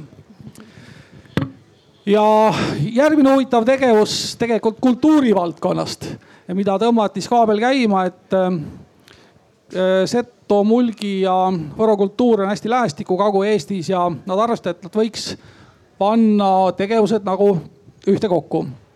et ei läinud, ei läinud tegevus käima, aga tänaseks on asutatud Põliskeelte Asutav Kogu, kus on lausa kümme asutajat, isegi Kihnu omad on seal pundis ja hakkas see põliskultuuride koos edendamine ka liikuma ja muutub arvatavasti üle-eestiliseks. häid ideesid veel, mida seal allpool käima tõmmatakse kindlasti on kooliõpilastele ettevõtluse õpetamine, mis koolides on päris hästi käima läinud. ja kuna minu monoloog läheb nüüd liiga pikaks, siis äkki minu üks lemmikuid, see on see raamatukogud, et nad muutuksid, kas nad muutuvad siis multifunktsionaalseteks kogukonnakeskusteks? ja, et ma, mul kaks mõtet on enne, kui ma räägin raamatukogudest ka, et üks mõte on see, et äh, ka meie päeva juht äh, on mitu korda öelnud, et äh, kas sellest kõigest on kasu ja räägite ja arutate, et mis minu tunne on pärast neid nüüd siis kolmandaid välitöid on see, et üha rohkem pööratakse rõhku sellele, et ähm, mis on need lahendused ja kuidas me nendest lahendustest edasi lähme peale selle, et me oleme nendest rääkinud ja nad paberi peale pannud. nii et siin suur kummardus välitööde nii tänastele korraldajatele kui ka eelmistele korraldajatele et võib-olla Ida-Virumaal me ei osanud sellele nii palju rõhku panna, aga kuigi ka sealt sündisid ideed. ja teine mõte, mis mul veel tekkis, äh, mida ma tahtsin võib-olla ka alguses öelda, on see, et äh, mis Kagu-Eestis oli head, äh, nii palju, kui ma seal siis pooleteist nädala jooksul olin, et kõik need maakonnad ütlesid, et me ei ole teinud nii kaua omavahel nii palju koostööd kui välitööde ettevalmistamisel. et see oli juba suur pluss, et, et ühest küljest need kultuuripiirkonnad, eks ju, aga teisest küljest need maakonnad ise ja need omavalitsused nii et selle üle on hea meel, aga raamatukogulid olid tõesti need, mis siis funki mano ehk siis funki juurde said. Et äh, välitööde lõpus toimus häkaton, mille üks ideedest, mis võistlustulle läks, oli siis raamatukogude rolli laiendamine ja juhtus ka nii, et, et seesama idee või, või selle rühma ettepanekud ka need välitööde häkatoni võitsid. Trehvami rõug oli see projekt ja mõte oli siis see, et kuidas erinevad Rõuge raamatukogud võiksid tulevikus funktsioneerida ja mis võiks olla nende täiendav ülesanne me arutasime väga erinevate valdkondade eestvedajatega seda ja alguses ei olnud ka raamatu, äh, raamatukogudega seotud inimesi, selles ka mina ise, kuigi kultuuriministeeriumis nende valdkond, nende teemadega tegeletakse. aga mis siis pärast välitööd juhtus, oli see, et, äh, et loomulikult äh, hakkasime ka ministeeriumi tasandil rohkem rääkima sellest, et mis see tuleviku roll sellel raamatukogul on et kõik teavad, et äh, peale kohalike omavalitsuste valimisi hakatakse uusi lepinguid tegema ja vaadatakse väga selgelt üle, et, äh, et millised asutused alles jäävad. kui palju siis sinna raamatukokku neid jälgi talvel läheb ja me, me saime aru, et, et on äärmiselt oluline täna see debatt avada ja, ja kuna see Rõuge näitel see debatt seal nii selgelt äh, lahti läks, siis tõesti tänaseks on avatud Rahva Raamatukogude seadus sellest tulenevalt. on toimunud erinevad äh, maakondlikud arutelud äh, koostöös Riigikantseleiga sügisest äh, alustame analüüsi kokkupanemist, et millised võiksid olla raamatukogu täiendavad rollid erinevate valdkondadega koostöös ja kõige selle kirss on muidugi see, et äh, järgmisel aastal toimub kultuuriaasta, mille keskmes on ka raamatukogud. sest äh, koolide ja lasteaedade kõrval on raamatukogud just need avaliku sektori asutused, mille võrgustik on kõige parem üle-eestiliselt. ja seda me nägime siis, kui Eesti kakskümmend kolmkümmend viis pidas mõttetalguid, täna, kui meil on vaja äh, vaktsineerimise passi välja printida. Nii et, et ma arvan, et see kagutööde arutelud ja kohtumised andsid just selle, et see teemade on täna hästi pildis, on ta ministeeriumi pildis, aga ka teiste valdkondadega koostöös. nii et, ähm, et ma arvan, et ilma selleta me ei oleks siia jõudnud, kus me täna oleme. Äh, ma võin kinnitada Pireti sõnu, et ähm, need välitööd Kagu-Eestis andsid kindlasti vunki manu Kagu-Eesti ülesele koostööle, et äh, seda tehti ka ennem, aga nii tihedalt ei ole seda ei ole tehtud varem ja ma näen, et see koostöö jätkub ka täna ja väga tugevalt, et eh, ega juhtub väga harva seda, et kolme maakonna kõik omavalitsuse juhid kirjutavad näiteks ühele kirjale alla niimoodi, et nad üksteisel silmi peast välja ei kratsi. et eh, seda juhtub vist Eestis harva. aga Rait, ma tean, et rada Kagu-Eestisse on juba päris tugev sisse käidud ja eks ole saanud käidud jah mööda Eestimaad ka, et, et mis seal Tallinnas ikka passida aga võib-olla hakkaks kaugemalt peale, et, et noh, küsimus on ju alati see, et noh, käite, käite siin nädal aega ja mis siis edasi on ju. et eh, kui ma seda Ida-Virumaa välitööde peale mõtlen, siis näiteks eh, meil nüüd just tõmbame nii-öelda vahejoone alla Ida-Virumaa eraldi arenguprogrammile, kus me koos kõikide kohalike omavalitsustega siis eh, tegime sotsiaalteenuste arendusega tegelesime ja selle tulemus on väga käegakatsutav, sest et kohalikud omavalitsused on täna nii-öelda EL vahendite toel siis sotsiaalministeeriumi vahendid noh, ütleme jagamisel või korraldamisel nagu nii-öelda investeerimas kaks pool miljonit eurot sinna piirkonda nende sotsiaalteenuste arendamisse täiendavalt nii-öelda, et enne seda seda plaani ei olnud, on ju, et noh, see on üks selline selline võimalus nagu minna ka meie jaoks nii-öelda nagu selliseid rätsepülikonda rohkem piirkonna järgi õmblema koos nende piirkonna inimestega. ma arvan, et Kagu-Eesti on järgmine tegelikult, mis selle programmi saab, nii et noh, riik tegutseb teatud mõttes sellise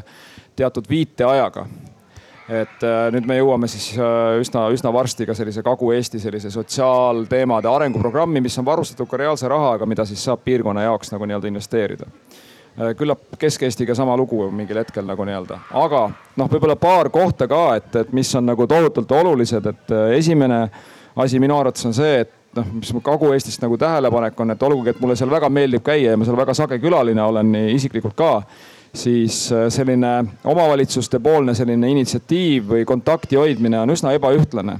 et äh, noh, Võrumaal on arenduskeskus, et, seal ei ole enam nagu mingit küsimust, et meil on tekkinud mingisugune selline vastastikune arusaam, et, äh, et milleks, mida meilt kummaltki oodata on võib-olla on ju ja, ja saame nagu toimetada, kui vaja on. aga noh, on ka selliseid omavalitsusi, mis on jäänud endiselt sama nähtamatuks, kui nad ennem olid. ja noh, igale poole ise ka ei jõua, nii et noh, mõnes mõttes on ta selline kahesuunaline tee ja, ja noh, riik tuleb ja noh, omavalitsus peab ka oma vajaduste eh, teavitamise eest nagu hea seisma. Eh, võib-olla üks asi veel siia juurde, et mis on oluline võib-olla nendel välitöödel on see, et eh, noh käia nendes kohtades, kus sa muidu ei käi. et näiteks Kagu-Eestis mina juhtusin kogemata sellisesse kohta nagu Center, see on siis, tegeleb siis nii-öelda puidutööstuse või ütleme, puidu väärindamise sellise kompetentsikeskuse, kuidas seda kokku võtta seal, et, et arendavad siis kõiki neid puiduklastri nagu nii-öelda tegevusi ja, ja nii edasi. ma juhtusin sinna väga juhuslikult mingi visiidi raames, käisin veel paari puiduettevõtja juures ka. Selle täna üks käega katustada tulemus on siis see, et me siin täna siinsamas ühes Järvamaa, Järva valla siis nii-öelda hooldekodus äh, katsetame ühte nende eakatele mõeldud voodikomplekti siis nii-öelda prototüüpi et noh, see on siis see, mis sealt reaalselt nagu tuli, käisime koos ka Taanis nii-öelda ühel sotsiaalteemade üritusel nii-öelda tehnoloogiaseminaril, kus siis nad said veel indu juurde on ju, see on selline natukene nutikam voodi juba nii-öelda, mis nagu annab jällegi mingi väga konkreetse võimalusega mingite toodetega tulevikus võib-olla olla välisturul ja ka siseturul, nii et.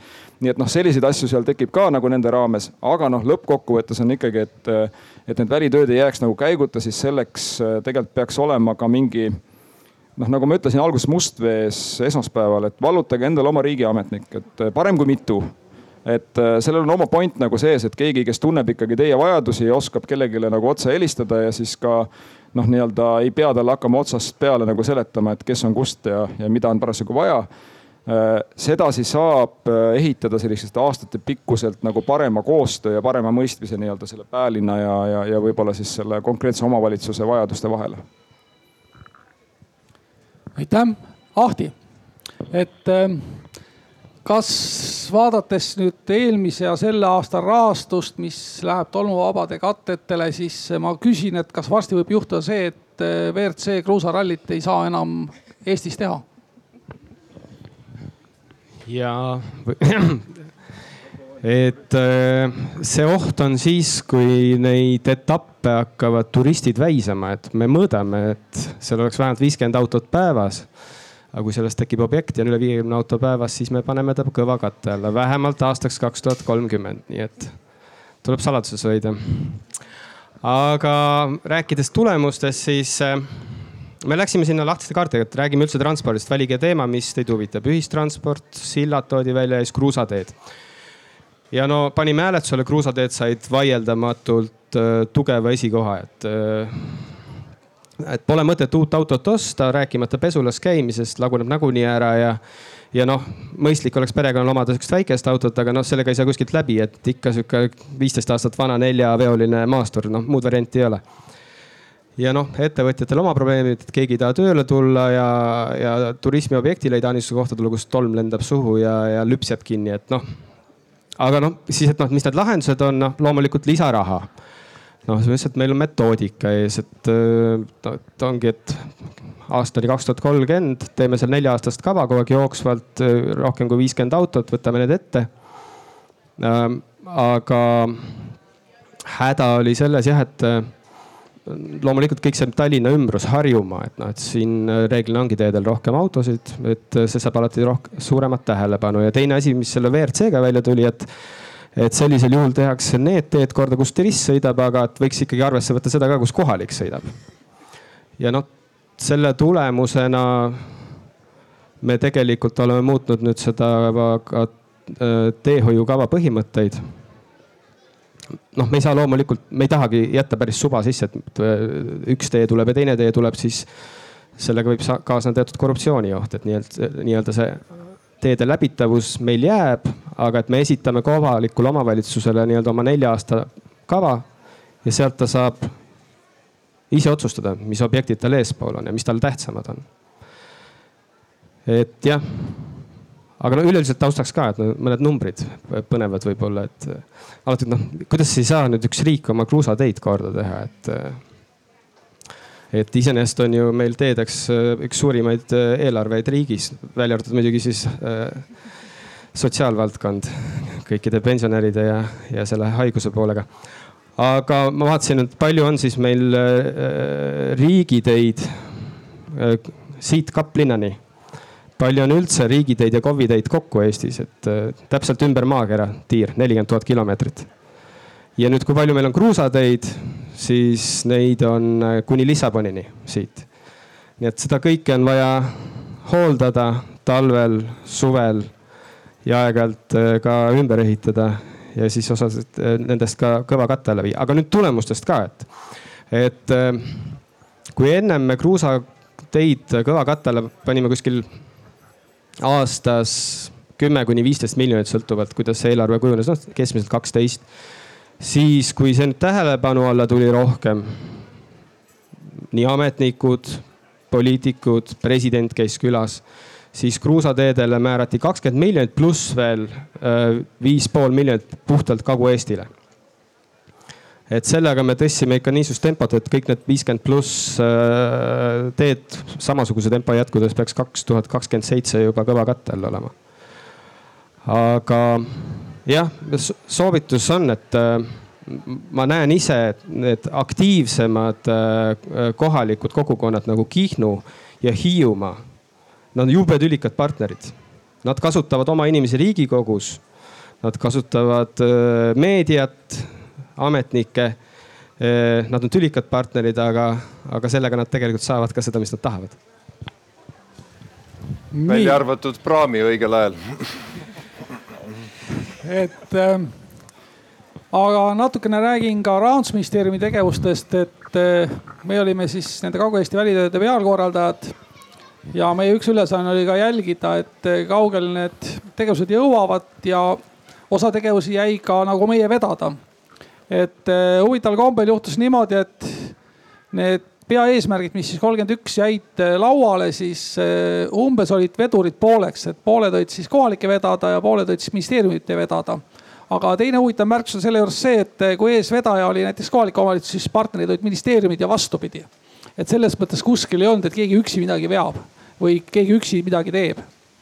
ja rahandusministeeriumi poolt juba vedada jäi jäid sellised teemad nagu tööstusalade arendamine eh, koostöös siis kohalike marodega, see on siis maakondlikud arendusorganisatsioonid, tegime siis Kagu-Eesti tööstusalade uuringu. Eh, ka maale elama asuma, asumise soodustamine oli teemaks ja ka see uuring valmis eh, selle aasta juuliks ja need mõlemad uuringud on tegelikult leitavad rahandusministeeriumi lehel, et eh, minge kiigake sinna, et saate päris palju teadmist juurde. Eh, nende tööstusalade arendamisega minnakse aktiivselt edasi.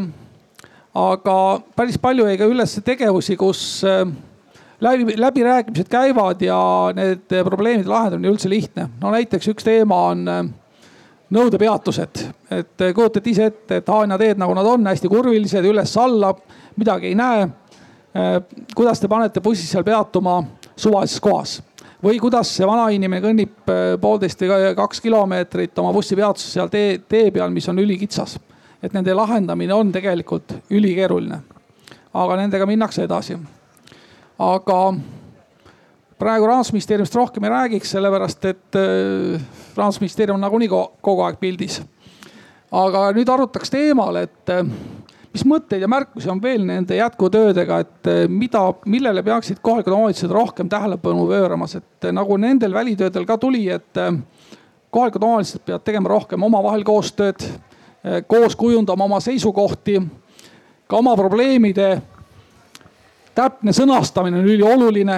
aga mis neid märkusi veel on, millele peaks tähelepanu pöörama just nimelt riigi ja kohaliku omavalitsuse koostöös? igaks juhuks selle kõige jaoks on viis minutit, palun ma ütlen hästi siis lühidalt, et äh, võib-olla see on nagu ära kulunud sõna, aga ma ei tea, nende välitööde raames mulle nagu eriti tundus, et äh, see märksõna on tegelikult koostöö. et kui Kaia ütles, et ei ole seda võluvitsa, siis minu meelest äh, praegusel hetkel oleks nende välitööde märksõna küll minu jaoks koostöö et äh, kui me rääkisime, ma ei tea, kultuurist või, või, või raamatukogudest või muust, et siis igalt poolt ka haridusest, äh, tugiisikutest, eripedagoogidest, äh, lastest, nende vanematega suhtlemisest, igalt poolt tuli välja, et asutused peavad omavahel koostööd tegema selleks, et me saaksime tulemust. nii et see, see kulunud sõna on tegelikult nagu niivõrd adekvaatne tänasel hetkel siin ja praegu, nii et, et ja, et see on nagu see märksõna, et palun minge sellega edasi, tehke kultuuriklastreid äh, erinevaid äh, koostöökeskuseid ja, ja pinnige meid ka, kes me siin täna käisime ja selle lõhna ninna saime. Ma võib-olla lisaks siia juurde, et äh, mõistlik oleks omavalitsustel ka üksteise häid edukaid praktikaid paljundada püüda ja toetada võib-olla näiteks ka neid väiksemaid kogukondi, et ma just refereerides sinu nagu nii-öelda teemasid, et äh, Tapiku raamatukogu ümber on üks lahe küla kogukond Jõgevamaal koondunud näiteks ütleme selliseid kogukondi, mis ühte hoiavad, et, äh, et neid võiks nagu kuidagipidi püüda rohkem nagu toetada ja, ja noh, teine pool on see, et natuke riskijulgust ka, et, et tulla nendesse võib-olla ka riigi poolt algatatud sellistesse noh, pilootprojektidesse julgemini sisse nagu nii-öelda proovida, et ma tean, et Järvamaal on seda võib-olla isegi kohati rohkem tehtud kui Jõgevamaal. et äh, need annavad uusi teadmisi, kogemusi ja ka uusi eksimusi, millest õppida, nii et, et seda soovitaks küll kangesti teha lisaks eelpool mainitule siis erasektorist eeskuju võtta lobitöö osas, et ükskõik, kas siin siis apteegid või, või siis bussivedajad või, või raudteeoperaatorid, et. või setod. jah. või setod. jah, just, et nagu väga organiseeritud lobitöö kõikidel rinnetel ja siis niisugune äkkpostitusena, et töötab. ja jätaks ühe küsimuse Märdil ka meilt küsida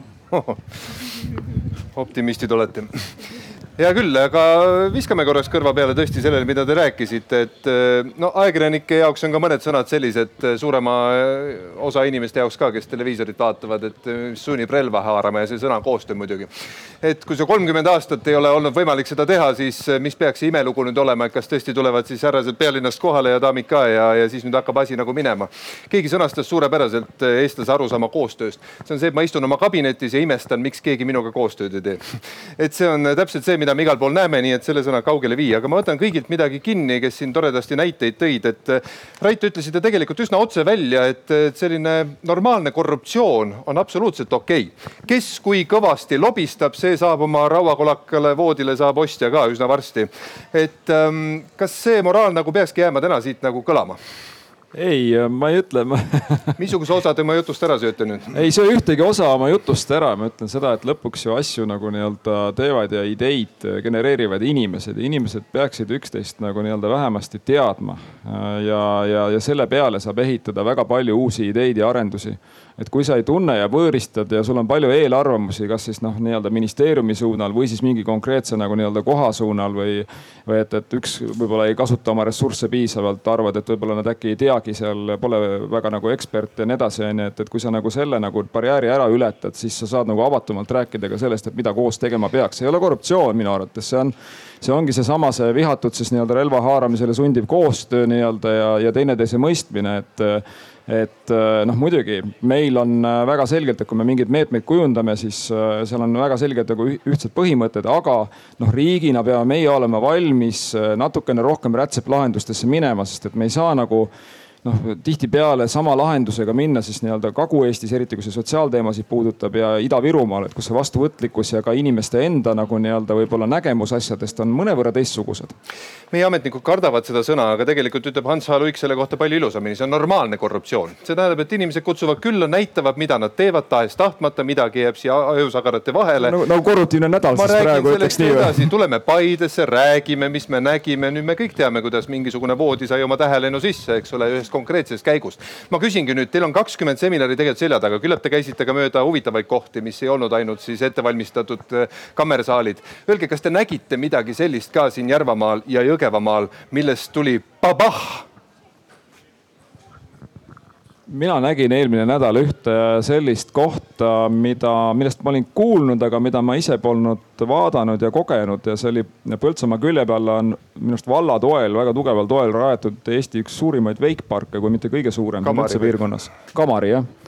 Ja ma jäin mõtlema, vaatasin, kui palju seal rahvast oli ja kuidas seal nagu käidi ja mõtlema, et selline pärl on ju ja, ja noh, kui palju sellest siis nagu teatakse, et noh, miks noh, selle ümber annab ehitada päris palju ja tegelikult seal oli ka seda tehtud, et, et see oli mingisugune selline koht nagu, mis noh, võiks aidata ka no minu arust kasvõi ka nagu noortega tegelemisel kaasa, sest ma vaatasin, et noored olid tegelikult seal ka hõivatud. et, et see oli minu jaoks oli selline üks nendest nagu mõnedest.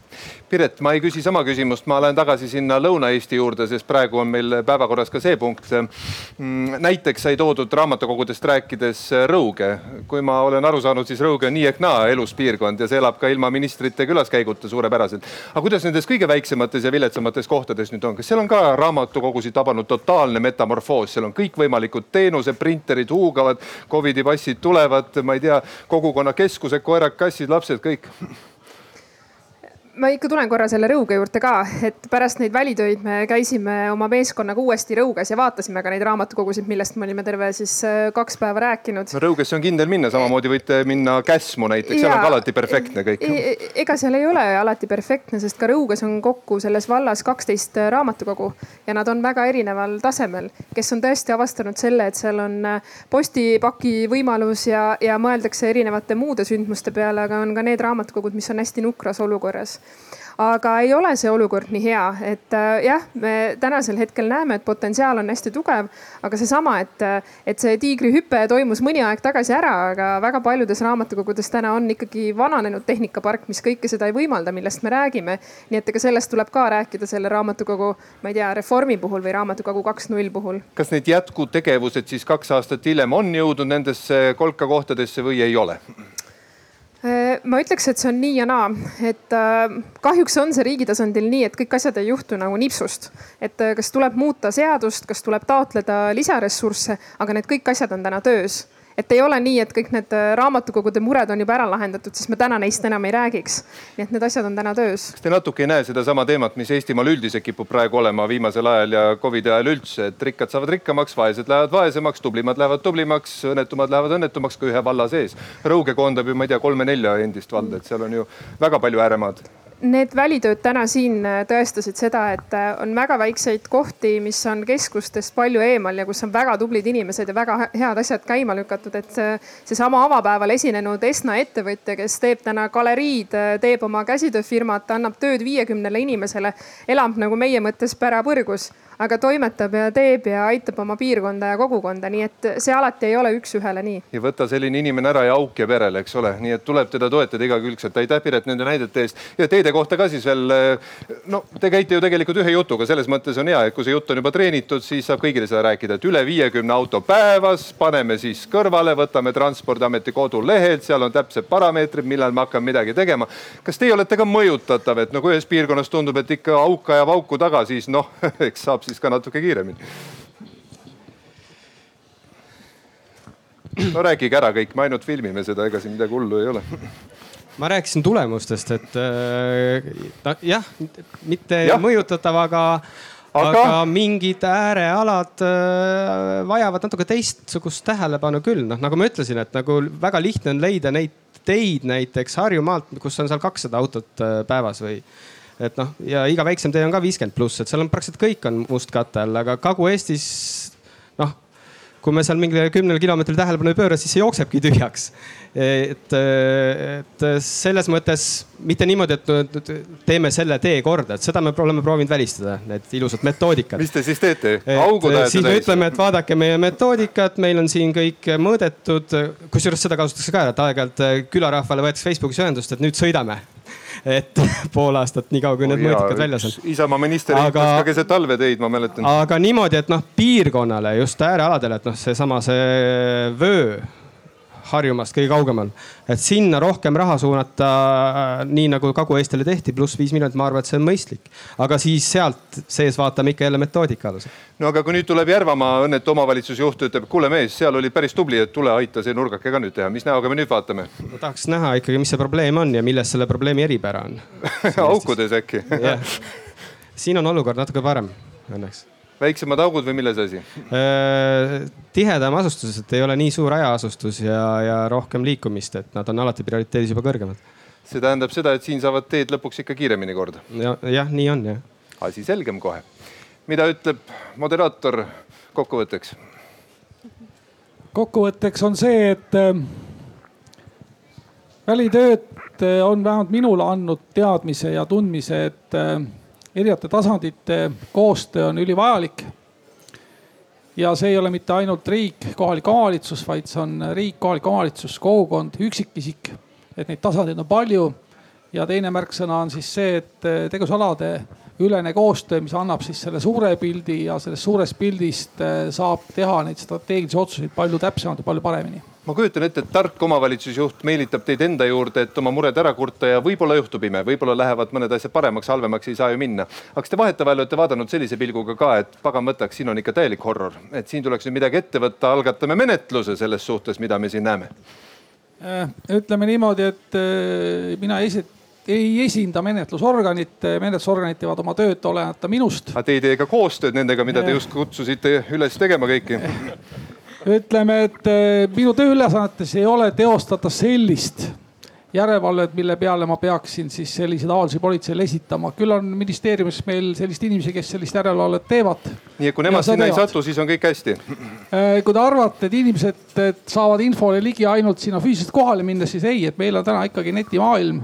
väga palju asju on, eh, dokumendiregistrid, kõik on internetis, selleks ei pea kohale minema. nädal aega tagasi oli siinsamas Vallimäel arutelu, kus olid ka võrdlemisi kõrged parlamendierakondade esindajad kohal ja rääkisime sellest, milline olukord on omavalitsuste juhitavates hooldekodudes mõnel pool kusehais on pagan võtaks selline, et inimesed ei saa isegi sisse minna, et oma vanainimesi külastada ja selgub, et omavalitsus ei ole seal käinud juba mitu head kuud. kas selline olukord on distsiplinaarkaristuse vääriline või ei? no ma peaks vist ise vastama siin, et mul on küll olnud, nagu ma pean ütlema, et äh, iga aasta paar sellist hetke on, kust ma võtan toru ja, ja helistan kellelegi konkreetses omavalitsuses ja, ja me peame sellise vastastikku valgustava vestluse mingitest probleemidest, et äh, et äh, noh, tuleb välja alati, et tõde ei ole nagu nii äh, must ja valge, et on seal mingeid toone veel vahepeal, aga noh, lõpuks ikkagi nagu saame üksteise positsioonidest aru ja see hooldekodude näide on tegelikult närune näide, sest tõesti neid on ja, ja me tahaks, et neid selliseid ei oleks, me tahaks üldse, et neid oleks hooldekodusid vähem. olen ka siin selle nii-öelda kahe nädala jooksul ühes nagu käinud, mis õnneks läheb nüüd siis sulgemisele, et see võtab aega, aga selle noh, kuidas seda öelda, see probleemi teravus on nüüd viinud selleni, et kopp on maas nii-öelda uue lahenduse jaoks on ju. see oli no, omavalitsuse hallatav? jah hästi, nukker noot küll, aga lohutuseks on see, et pooled teist jäävad lavale, teised saavad vabaduse. aitäh, härrad paremal serval, aitäh, teeme aplausi. Nii, kõik on vaba tahe, kui Rait ja ja tema partner ei taha rohkem siin olla, siis nad võivad siit alla tulla. meil on siin väga hea siin kaitse piima eest ja kõik nii. olete soojaks saanud, nüüd räägime siis natukene Jõgevamaast ja Järvamaast ka et teil nii üksi ei oleks siin istuda, siis ma kutsun teile mõned partnerid teie lahkel loal. ja me läheme nüüd süsteemselt nii palju, kui see võimalik on, meil on tund ja natukene peale selleks aega käia läbi needsamad valdkonnad, millest ka Äh, ilusasti juba üle astuti, aga nüüd me saame vaadata, missugused need ettepanekud siis olid, mis tegelikult sündisid mitte väga ammu seal kontserdimajas või mis ta nimi on, teatri- ja muusikamaja. jah, kõlab veel ilusamini. nii, äh, ma kutsun siia Pipi-Liis Siimanni. Siimann tuleb niipidi, Siimann, Siimann, hästi, jääme selle juurde, Türi vallavanem. Äh, Mustvee vallavanem muidugi Jõgevamaalt, Aivar Lainärv, kas on meiega? jaa, Aivar, palun veel on valida, millise nurga võtate aga ma juba tean, kes teile tuleb äh, partneriks. Äh, Mart Uusjärv, rahandusministeeriumi regionaalpoliitika osakonna juhataja. Mart, palun. rohkem ei mahu, võtke või jätke. aga kuna Rait Kuuse nimi on mul täiesti kogemata siin esimene ja me jõudsime teemaga täiesti kogemata sinnasamasse, see on muidugi puhas juhus, siis äh, miks mitte seda natukene arutada, sest äh, parandage mind, kui ma eksin, aga mulle küll tundub, et sotsiaalhoolekanne võib-olla nendes kahes maakonnas on isegi üks kõvemaid sõnu kui mõnes teises maakonnas, kus võib-olla on natukene noorem elanikkonna struktuur, kuhu võib-olla ei tulda ka seda rahulikku lõpuaega otsima, ükskõik kui väga ma neid sõnu valin, me peame tunnistama, et ka Paide on vananeva elanikkonnaga linn. inimestele meeldib olla siin rahulikult, siin on muide väga ilus eh, hooldekodu, tehti just ka juurdeehitus, nii palju kui tean, inimestel suuri muresid sellega ei ole, ma võin muidugi eksida, sest kõigil on mured selles maailmas. aga kui põhjalikult te arutasite, ma nüüd ei küsi ainult Raidi käest, kes kõik tunnevad, et nad on sellel teemal valmis midagi ütlema ja Pipi loomulikult omavalitsusjuhina lausa peab siin kaasa rääkima, siis kuhu te nagu jõudsite selle olukorra hindamisega neis kahes maakonnas, missugune on see hetke seisukord? no Pipi, kuidas tundub? mina küll ise ei osalenud sellel teemalistel seminaridel, aga omavalitsusjuhina ma tahaksin ka loota ja, ja julgen ikka kinnitada ka, et vähemalt Järvamaa eest rääkides meil sotsiaalhoolekandele kõigis omavalitsustes pööratakse tähelepanu. ja Rait Kuuse näiteks ei ole pidanud omavalitsuse omandis olevatele, ka minu teada ka eraomanike poolt peetavate hoolekodude juhtidele sellistel teemadel karmilt helistama. Rait, kuidas sellega on? ja ei ole tõesti Türi vallaga olnud, Türi vallaga on teistsugune nii-öelda koostöö pidevalt olnud, et et, et noh, ütleme Pipi-Liisi kiites siin äh, tegelikult äh, noh, Türi vald on olnud nende omavalitsuste hulgas, kes on äh, püüdnud nagu uutmoodi teha ja kõikidesse arendustesse võimalikult palju kaasa tulla. Et, et see on nagu tohutu oluline, et sul tekiks see elu ja mingid variandid nii-öelda nüüd, kui ma vaatasin Jõgeva, noh, ma ütlen sellele nädalale eelnes siis nii-öelda nädal, kus kõikides omavalitsustes olid siis sotsiaalministeeriumi sotsiaalvaldkonna töötajad siis nii-öelda praktikal. kolm tükki Türi vallas näiteks, üks Põltsamaal, üks Jõgeval, Mustvees ka Äh, ja noh, teistes ka, Paide linnas on praegu vist sellel nädalal üks inimene meil praktikal veel lõpetab seda.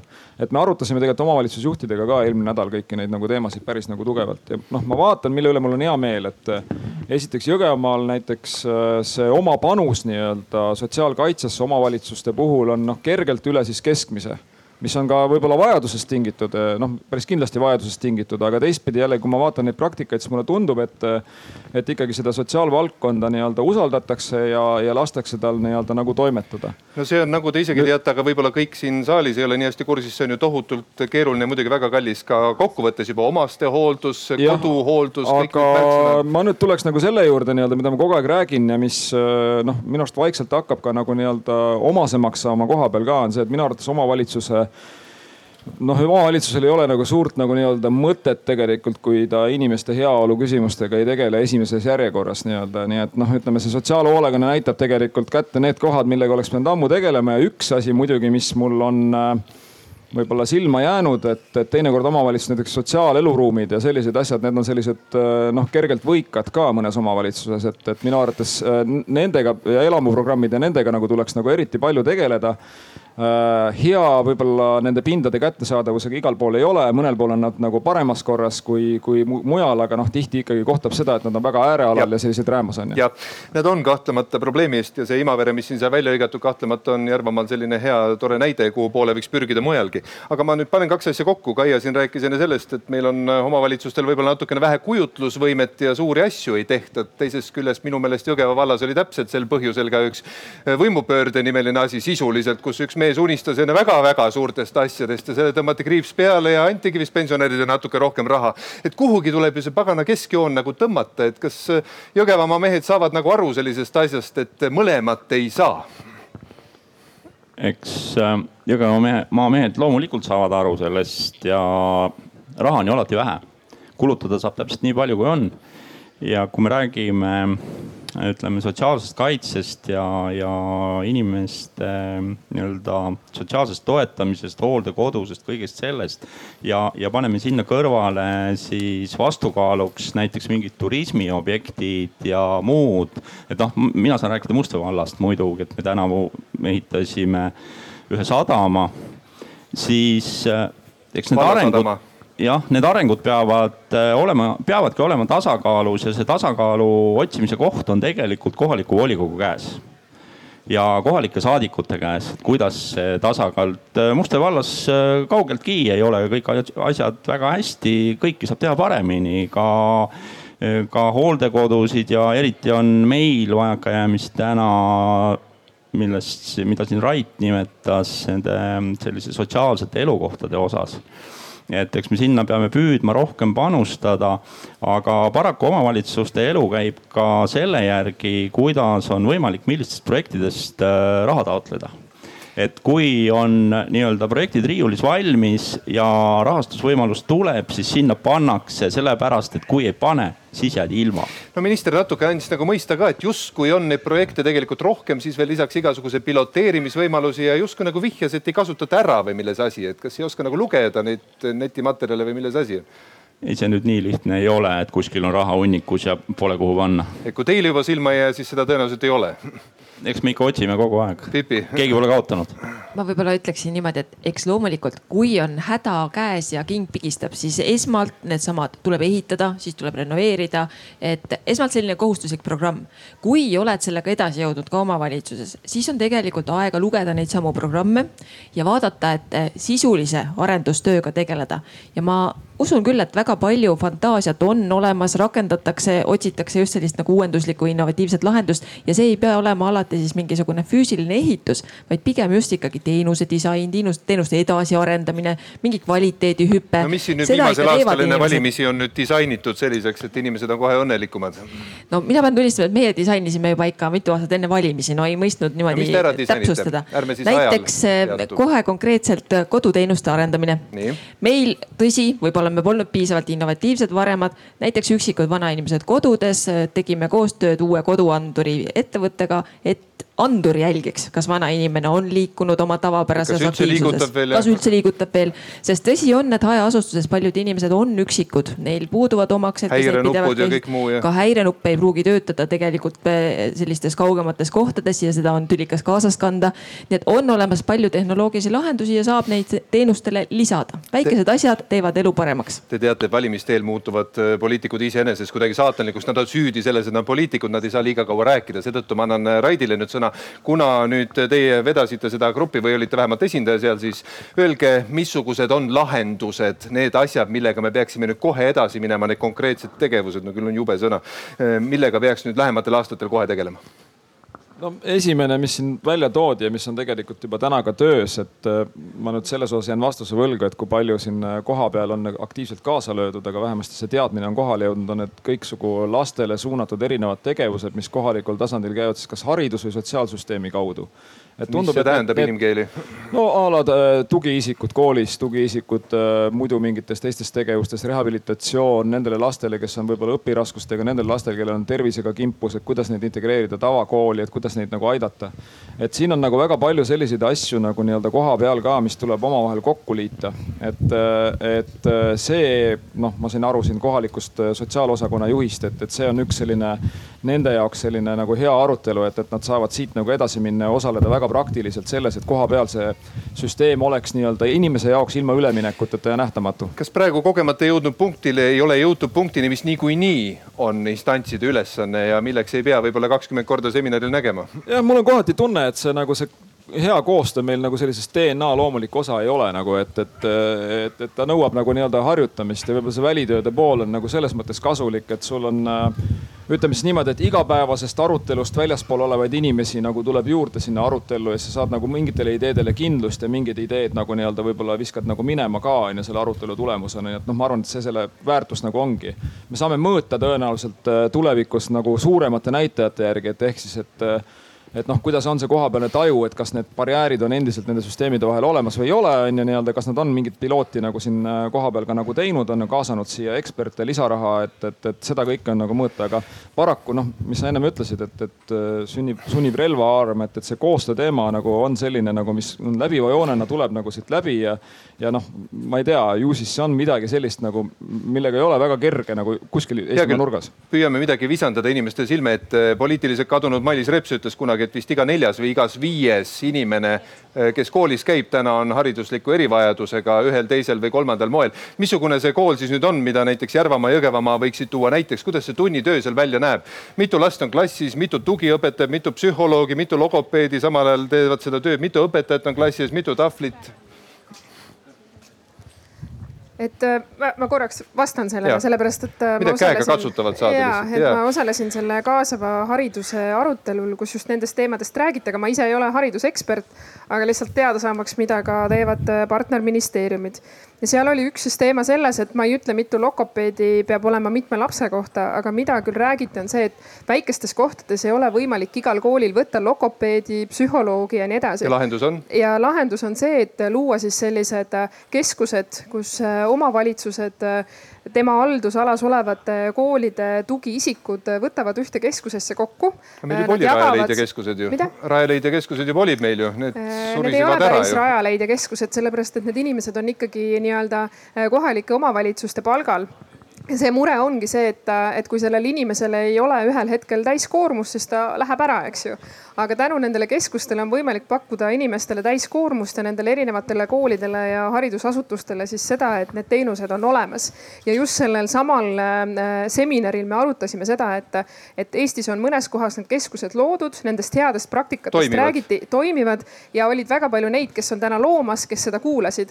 ja ühte ma tahtsin veel ennem öelda selle arutelu kohta, et me tõesti oleme riigis väga palju erinevaid meetmeid välja töötanud, pilootprojekte, aga kui sa lähed sinna koha peale siis tegelikult sellel kohalikul omavalitsejal, kogukonna esindajal on pilt päris kirju ja tegelikult nad ei tea, mida riik on juba lahendustena välja pakkunud ja just nende seminaride raames me saame öelda, et kuulge, teie murele on juba lahendus olemas, palun pöörduge sinna ja sinna. vahest on see mõju vastastikune, et eh, te ise ei tajugi, kui kiirjuks te selle pildi olete teinud. kindlasti ka see pool jah. Rait jah, nõus, ma toon selle eelmistel näited, Saaremaa oli siin üks näide, kes nagu äh, tõesti hakkas koondama neid, neid väheseid inimesi, kes siis kohapeal on, neid eksperte, nii-öelda logopeede ja nii edasi, onju, et, et neid teenuseid pakkuda. aga noh, ma olen näinud ka seal no, Ida-Virumaal näiteks ühes omavalitsuses, kus siis nii-öelda kool ja sotsiaalosakond omavahel ei suhelnud, et, et kuigi neil oli nagu nii-öelda jagatud mure ja jagatud rõõm, ütleme nii, siis et noh, et see on ka nagu see, et nügida siis nii-öelda selle koostöö peal. mina ei tea, mis seal kohapeal on, ma ei ole selle kohapealse elu nagu ekspert. tegelikult on ju noh, lahendus juba täna need noh, kaamerad, et saab vaadata, kas omavalitsejad teevad koostööd või ei tee, kas liigutavad või ei liiguta. no ma ei tea, teate selles, selles mõttes, et ega noh, see, see info on ka nagu väga vajalik, et kes kuskil nagu parasjagu hädas on, sest et tihtipeale ju omavalitsused saavad äh, väga palju nagu nii-öelda avalikku kriitikat siis, kui see probleem eskaleerub mingisugusele sellisele noh, avalikkuse huvi pakkuvale tasemele, aga noh, selle taga on ju ka inimese enda mingisugune noh, kuidas öelda, keeruliseks elatud elu tihtipeale ka on ju, nii et, et noh, me, me ei saa ära unustada seda, et, et ükskõik, kes siis parasjagu seal nii-öelda selles noh, omavalitsuse juhtija rollis on nii-öelda, inimestel on ka mingisugune vastutus kuskilt maalt nagu vastu tulla. hästi, käite selgitamas, natuke rahustamas, natuke tutvustamas, natuke tagasi tõmbamas, et inimene saaks jälle täie innuga tööd teha. tuletamas meelde, et riik on siiski abiks, mitte ei peaks siis kaigast viskama. no pigem ma ütleks niimoodi, et ma tuleks nagu selle juurde, et need konkreetsed võib-olla noh, riigil ei ole väga palju nagu tööriistu, et okei okay,, me võime saata nagu ministeeriumi ametnikke nagu nii-öelda põllule tööd ka tegema appi. aga noh, et ma arvan, et suurem mõju on sellistel noh, nii-öelda piirkondlikel arenguprogrammidel, millel on kaasas ka siis tõesti see võimalus, et investeerida nendesse teenustesse rakendamisse. ma tõin selle Ida-Virumaa näite. aasta-poolteist töötasime koos kõikide omavalitsuste juhtide ja sotsiaalosakondadega ja täna nad äh, teevad rohkem kahe poole miljoni euro eest äh, sotsiaalteenuseid. ma, ma järgmisena tahaks näha sellist programmi nii-öelda disaini Kagu-Eestis koosloomet nii-öelda piirkondade kaupa, mitte et me noh, kuulutame vooru välja, vaatame, kes tuleb, onju. tulevad need, kes oskavad. aga jutt oli rahast ka, kas see tähendab, et ka Jõgevamaa, Järvamaa saavad mingisuguse väikse portsu, et seda kõike nüüd paremini ellu viia? ja juhul kui, juhul kui on ka juhul siin nii-öelda initsiatiiv nii-öelda, kellega nagu seda teha, et kui huvi ei ole, et ega noh, mis me siis teeme. Pipi on huvi või ei ole? kindlasti on, äsja saime rahastusotsuse koolidesse väikevahendid erivajadusega laste paremaks õpetamiseks. riigipoolne programm, ma tean, et see osalus omavalitsuste poolt ei olnud ülemäära äh, aktiivne. milles asi? Ehm, see nõuab tegelikult just nimelt, äh, vahel räägitakse, et räägime liiga palju, see nõuab omavahel rääkimist, kogemuste vahetamist, häid, hea praktika tutvustamist teisele. sellepärast, et äh, midagi pole parata, ei jõua olla ilmas kõigega kursis. omavahel suhtlemine aitab teada saada, mis on uued ja head asjad ja siis näiteks taotleda hästi, Rait, kas selle teema lõpetuseks oli seal veel mingi väga konkreetne asi, mida võiks nüüd teha? Kui ei olnud, siis on lühike vastus. pigem vast ei, et sellised üldised printsiibid. põllumajandus ja see kaunis sõna rohepööre rohelepe, Pipi jälle saame sõna, kõik saavad sõna, natuke hiljem, isegi natuke rohkem, samas võib teha hingamisharjutusi, küll need hetked ka tulevad. Pipi-Liis, kas äh, teie olete aru saanud, mis asi see rohepööre siis nüüd on ja kas vähemalt kaks inimest ühes kabinetis saavad sellest ühtemoodi aru? tahtsin kohe armu paluda, ma olen küll põldude keskel kasvanud ja põllumehe põld, vale inimene siin või? aga olen selles mõttes arvan küll, esindan keskmist Eesti inimest ja ka keskmist Eesti ametnikku, kes peab tunnistama, et rohepöördest olen kuulnud. Olen kuulnud, et on olemas rohepesu, tahaks kangesti sellest eemale hoida, ega ma täpset vahet arvan, teen sama vähe kui, kui siin enamus viibijaid. Nagu põgenete rahapesu eest, nii ka rohepesu eest, igaks juhuks. absoluutselt. Ja ega see on tõsi, et vahel inimesed mõtlevadki, et igaks juhuks äkki ongi see selline näiline, äkki see ongi rohepesu. Ja seepärast ei hakata ka väga aktiivselt ise neid rohepöörde tegevusi võib-olla oma elus ette võtma. hea küll, jätame selle väga kummalise valdkonna siis sinnapaika, vahest see täpsustub meil, aga põllumajandus on siiski sõna, millega on siin väga kaua aega tegeldud ja vist endiselt mullad kannavad paremini kui mõnes teises eh, Eesti piirkonnas. Öelge palun, mis siin on konkreetsed ettepanekud, millega peaks nüüd kohe edasi minema ja kus äh, saaks keegi ka abiks olla? No põllumajandus on reeglina meil erasektori teema ja me neid selles ei tohi segada oma rohepöördega ka, nad peavad nagunii nõuetele vastama. aga konkreetsed jätkutegevused, näiteks avaliku sektori poolt ikkagi tõesti rakendada neid rohehankeid, millest räägitakse. on see siis koolitoit, on see siis mingisugused äh, nõuded näiteks või, või ähm, kriteeriumid kasvõi mingisugustele toodetele. me peaksime tegelikkuses siis ikkagi riigi poolt mõtlema, kui palju on mõistlik nõuda ja mida on mõistlik nõuda. kui vaba on täna omavalitsusjuht nende hangete tegemisel, lihtsalt silmaringi avardamiseks? Ehm, iseenesest on vaba küsimus on nüüd alati jällegi, ma ei taha öelda, et raha on vähe, seda kõik teavad, aga tihtipeale on ka pakkumine väike, sest tegelikult ju avalik sektor äh, rohehankeid ja mahetoitu näiteks ei telli ehk et kui me teeme näiteks koolitoiduhanget, siis meil siinsamas Kesk-Eesti piirkonnas on ka see probleem, et ega kohalikku toitu tegelikkuses piisavalt pakkujaid ju polegi praegu see tähendab, et keegi ei viitsi pakkuda, te olete liiga väike partner või ebamugav või mis põhjus ja, me oleme liiga väike partner, mahud on alati väikesed ja keegi ei ole nagu ka sellele väga keskendunud täna tootjana siin meie piirkonnas näiteks. kas see nüüd omakorda ei tähenda seda, et kui jälle paneksid kolm-neli omavalitsust seljad kokku ja neid vist ju rohkem ei olegi siin Järvamaal, siis absoluutselt, see tähendab tõepoolest seda, et eh, teha päriselt seda koostööd, kui me tahame seda mahedat saada. kuidas teile tundub, kas maakonna suurune tellimus oleks see, mis ärgitaks tootjaid? See võib olla, aga samal ajal, kui me tahame toetada oma väiketootjaid, siis ei tasu mahtu ka ülemäära suureks ajada, vaid pigem vaadatagi, et oleks võimalik pakkuda ka osade kaupa ja et need väiketootjad ja mahetootjad oleksid ka konkurentsivõimelised nendes hanketingimustes, mis me neile seame. kui üks vald tellib, siis on liiga väike, kui kolm valda tellivad, siis on liiga suur.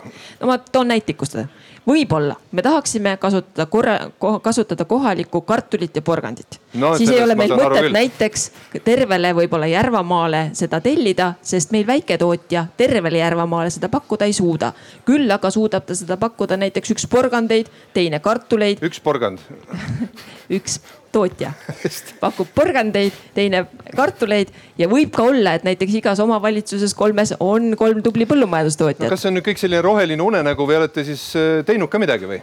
pean tunnistama, see on tõepoolest unenägu suuremalt jaolt. milles siis asi meie on? meie Kesk-Eestis täna selliselt äh, mahetoitu koos ja minu teada ka ükshaaval omavalitsust seni hankinud ei ole. ja selle põhjus on see, et nii nagu me leidsime üleüldse rohepöörde töörühmas, me ostame täna hinda, mitte väärtust nii toidus, ehituses, teede remondis kui kõiges muus. väidetakse, et asi on selles, et eh, need, kes ei julge kriteeriumidesse kirjutada, et hinna kõrval on ka teisi asju, need on lihtsalt laisad eh, argpüksid, igasugused muud tegelased. me ei ela enam täna sellises olukorras, kus see peaks olema ainus tegur, see hind. ma usun, et eh, selles on väga suur osa tõtt jah. kuulete, seal kinnitatakse takka, kas Mustvees on samasugused asjad, et plaan on, unenäod on, aga tegu ei ole ei no eks see riik on meil ikka üle pinna on suht sarnane väikeste oma erisustega. vastab tõele, et äh, meil on olukord sama mm, kohalikud tootjad on spetsialiseerunud, meil on nad eelkõige spetsialiseerunud äh, puidutoodetele ja sellistele asjadele. seda lapsed ei taha süüa. lapsed ei söö, eks ole. just. Mart, kui te kuulete lihtsalt nagu kõrvalt, tõenäoliselt ei ole see ka teie sektor, siis mis tunded teil tekivad selle koostöö osas, mida siin nii väga õi, õilistatakse? Tead äh,, minul on usku sellesse. millesse siis, äh, unenägudesse või tegudesse? selle nädala jooksul, et äh, kui me oleme siin äh, kõik koos olnud, et äh, olen kuulnud selliseid repliike, et, et just, just eile käisin ühel seminaril, kus üks ameti esindaja tuli mulle ütlema, et näed, nii toredad inimesed ei löönudki maha, kui ma käisin nende juures esinemas. et sellised asjad, ma arvan, et on näiteks sellest, et et kui sa nagu ühte koosolekut pead ja ühe koosolekuga püüad nagu tulemuseni jõuda, siis sa ei pruugi seda teha. aga kui sa siin äh, nädala otsa õlg õla kõrval äh, koos kõiki asju läbi käid, et äh, ma arvan, et siis on selles koostöösõnas nagu rohkem usku. no ehk on ja ehk see siis ei raugi järgmise nädalaga, et tulla siis ülejärgmisel kuidagipidi tagasi mingisugusel vahval kokkusaamisel. Pipi, Paidega kindlasti käib meeldiv konkurents ja teie piirid on ju suhteliselt siia lähedale ja te tunnete Paide lõhna, varsti hakkab siit tulema ka piimalõhna, nii et vähe pole. lihtsalt riivan seda sektorit, selle sektori nimi ei ole mitte piim, mitte ka põllumajandus, vaid tööjõud paljud imestavad, et kuidas selline otsus tuli, et üks suurtootja, vist nüüd kaks või ma ei teagi, kas see otsus on nüüd tehtud või ei ole, et nad siiski tulevad siia. kas siin on tööjõudu ja kas siin on koht, mida saab teha nüüd omavalitsus kohe täna, nüüd ja praegu? see on muna ja kana küsimus, et kas ennem peab olema töö ja siis tulevad inimesed või peavad olema inimesed ja siis tulevad töökohad. täna tulevad töökohad ja see äh, meie näiteks oleme tänaseks jõudnud nii kaugele, et Türi linnas vähemalt ja ümberringi on äh, kinnisvara kõik juba kangesti müüdud, Te annate toetust ju ka. toetust ka, aga kindlasti ka inimesed vaatavad sellele, et esiteks kaugtöö on muutnud olukorda ja teiseks paratamatult ka siin ikkagi tekkinud ja tekkimas töökohad. ma olen kindel, et need inimesed nendesse piimatööstusesse tulevad jah, ja et neid meil on täna neid ei ole niivõrd, kui nad tulevad. Neid on tegelikult, sest olgem ausad, meie inimesi Järvamaalt käib ju väga-väga palju tööle mujale. see ei ole alati esimene valik, vaid sunnitud valik. Nad võivad nüüd oma valikuid korrigeerida Mhm. hästi, kuna me oleme nüüd riivamisi jõudnud sellesama teemani, mis niikuinii pidi tulema, ehk siis see on seotud otsapidi ka elamumajandusega, siis äh, räägime korraks sel, sel teemal ka. Mart, elamumajandusgrupp, mis siin sai välja hõigatud, mõeldud väga pika Mina töö käigus? pean tunnistama, et mina elamumajanduse grupis ei osalenud, et mul oli ettevõtlus ja turism. et nendest teemadest ma oskan paremini rääkida. ah, mul on need kaks lõiku siin, nooled on juures, Rainer tegi töö ära, aga ma vaatasin jälle valesti. siis ma annan selle sõna praegu, annan selle sõna praegu siis Aivarile, vabandust jah. et see oli õige grupp, eks ole, elamumajandus? no püüame hakkama saada jah. hästi, millest seal juttu oli? no põhilised olid see, kui me räägime igasugustest väikekeskustest ja seal elamumajanduse arendamisest, et ähm, siis on kaks sellist suuremat teemat, mis ähm,, mis lauale või tulid või esile kerkisid, oli äh, üks oli noorte maale meelitamine ehk siis eluaseme pakkumine, et täna üheks probleemiks on see, et äh, omavalitsus isegi kui tahaks äh, mingeid hooneid ehitada, siis on probleem maade omandamisega peaks neid maid ostma, peaks olema võimalus lihtsam saada riigilt, kas siis riigi reservmaast või, või siis ka reformimata riigimaad jätta omavalitsusele niimoodi, et, et sellel ei oleks ilmtingimata kohustust, ma ei tea, sotsiaalobjekti või, või avalikku ruumi rajada, vaid võib ka elamut ehitada.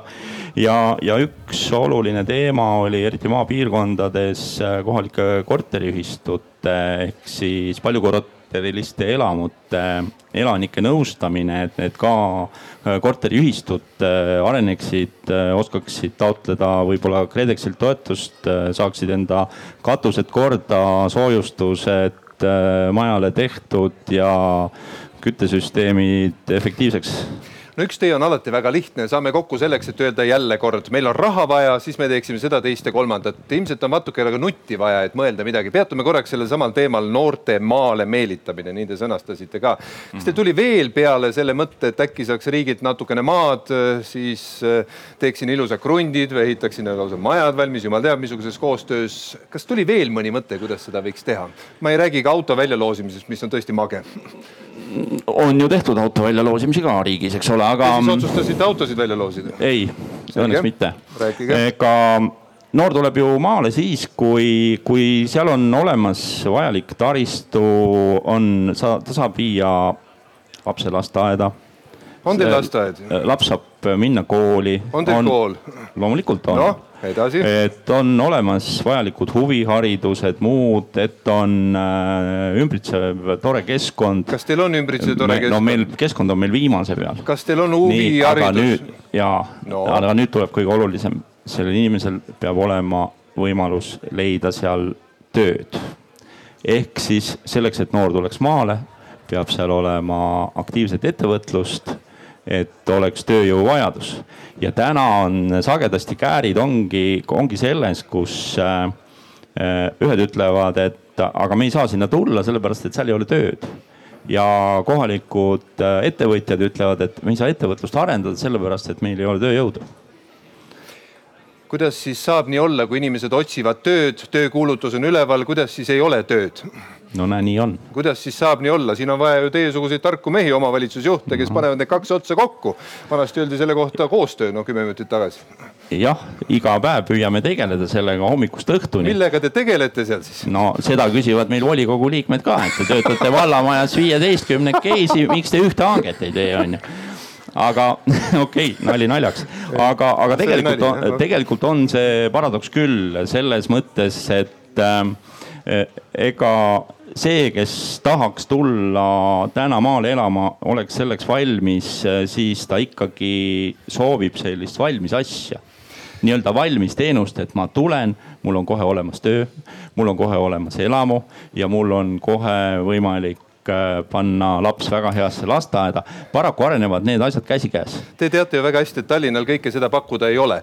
väga head lasteaiad on täis sinna ei mahu mitte ja. kedagi, elamufondi on, on, on kuus tuhat mm -hmm. eurot ruutmeeter Rotermannis ostame homme kolm korterit, ei ole üldse -hmm. mingi küsimus, kõik on olemas. aga nad ründavad seda paika Eh, vaadake, meil on äh, väga konkreetne kogemus. Äh, Muste vallas on üks selline koht nagu Voore, kuhu on äh, rajatud siis üks noorteküla nimeline asum. jagatud maatükk kruntideks, veetud kruntidele laiali torustikud, kõrval on täna värskelt korda tehtud koolimaja, ilus lasteaed. omavalitsus pakub neid krunte väga soodsalt, no ma ütleks, et peaaegu tasuta las ma arvan ära. huvi ei ole väga suur. töökohti ei ole. just. Te rajasite sinna keset põldu mingisugused ja. kohad, mõtlemata sellele, kas need inimesed kuskilt peavad sissetulekuga saama või? Eh, sealt Tartusse on, oh ma võin nüüd eksida, aga ma arvan mingi kolmkümmend viis kilomeetrit vist. aga äkki nad lähevad kahekümne viie kilomeetri taha? no vot, seda peab nende käest küsima. kas see oli mõtlematu rahakulutus? ei, kindlasti mitte. see rahakulutus on küll tehtud juba mõni aeg, aeg tagasi.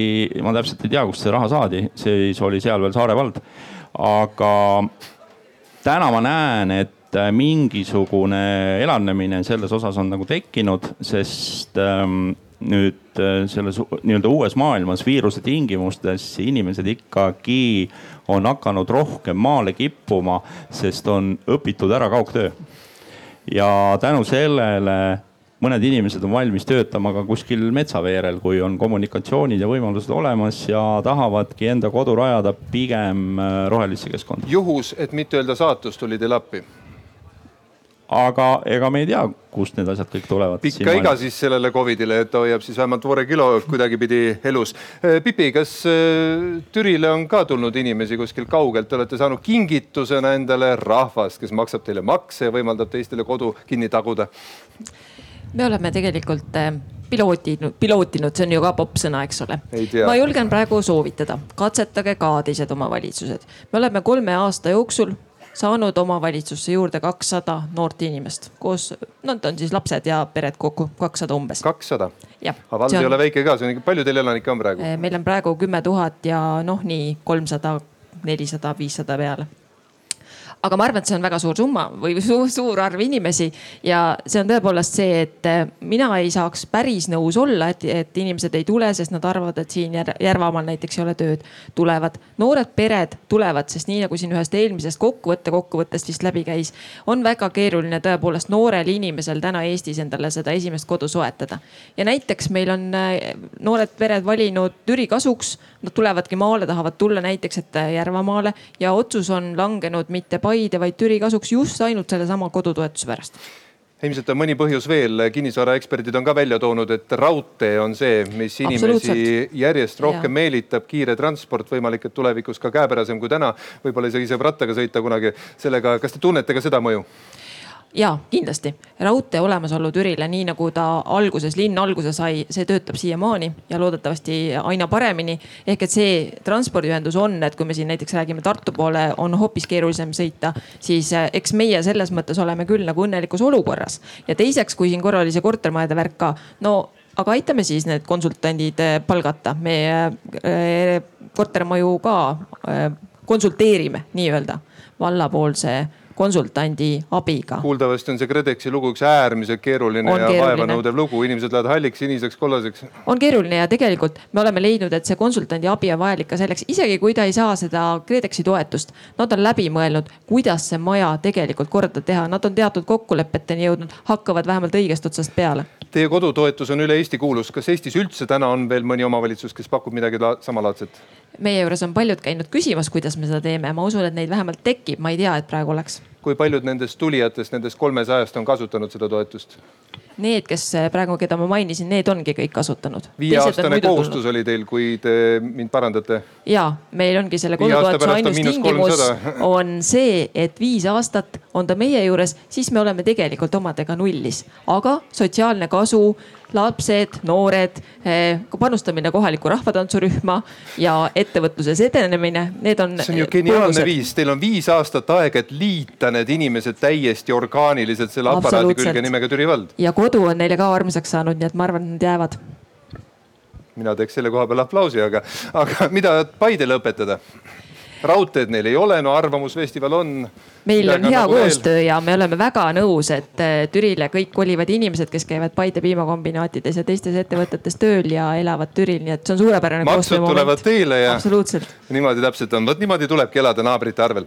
kas elamumajanduse teemal oli veel mõni hea ettepanek, millega siit edasi minna, käega katsuta, millest saaks kaks aastat hiljem mõne teise maakonna sellisel üritusel kokku saada, Rait? jah, et kas just siit, aga siin sellel teemal on ka räägitud, et, et see vastuvõtlikkus ühele meie tulevasele programmile on täitsa suur olnud omavalitsuste seas ja ja noh, Türil on see näide nii-öelda, et, et just eakamale elanikkonnale, kes võib-olla hajaasustuses ei saa nii hästi enam nagu oma selles suures majapidamises hakkama, et luua selliseid noh, nii-öelda iseseisva elamise võimalusi keskustes, et a la minikorterid nii-öelda, kus ka võib-olla sotsiaaltöötaja saab läbi käia tihedamini.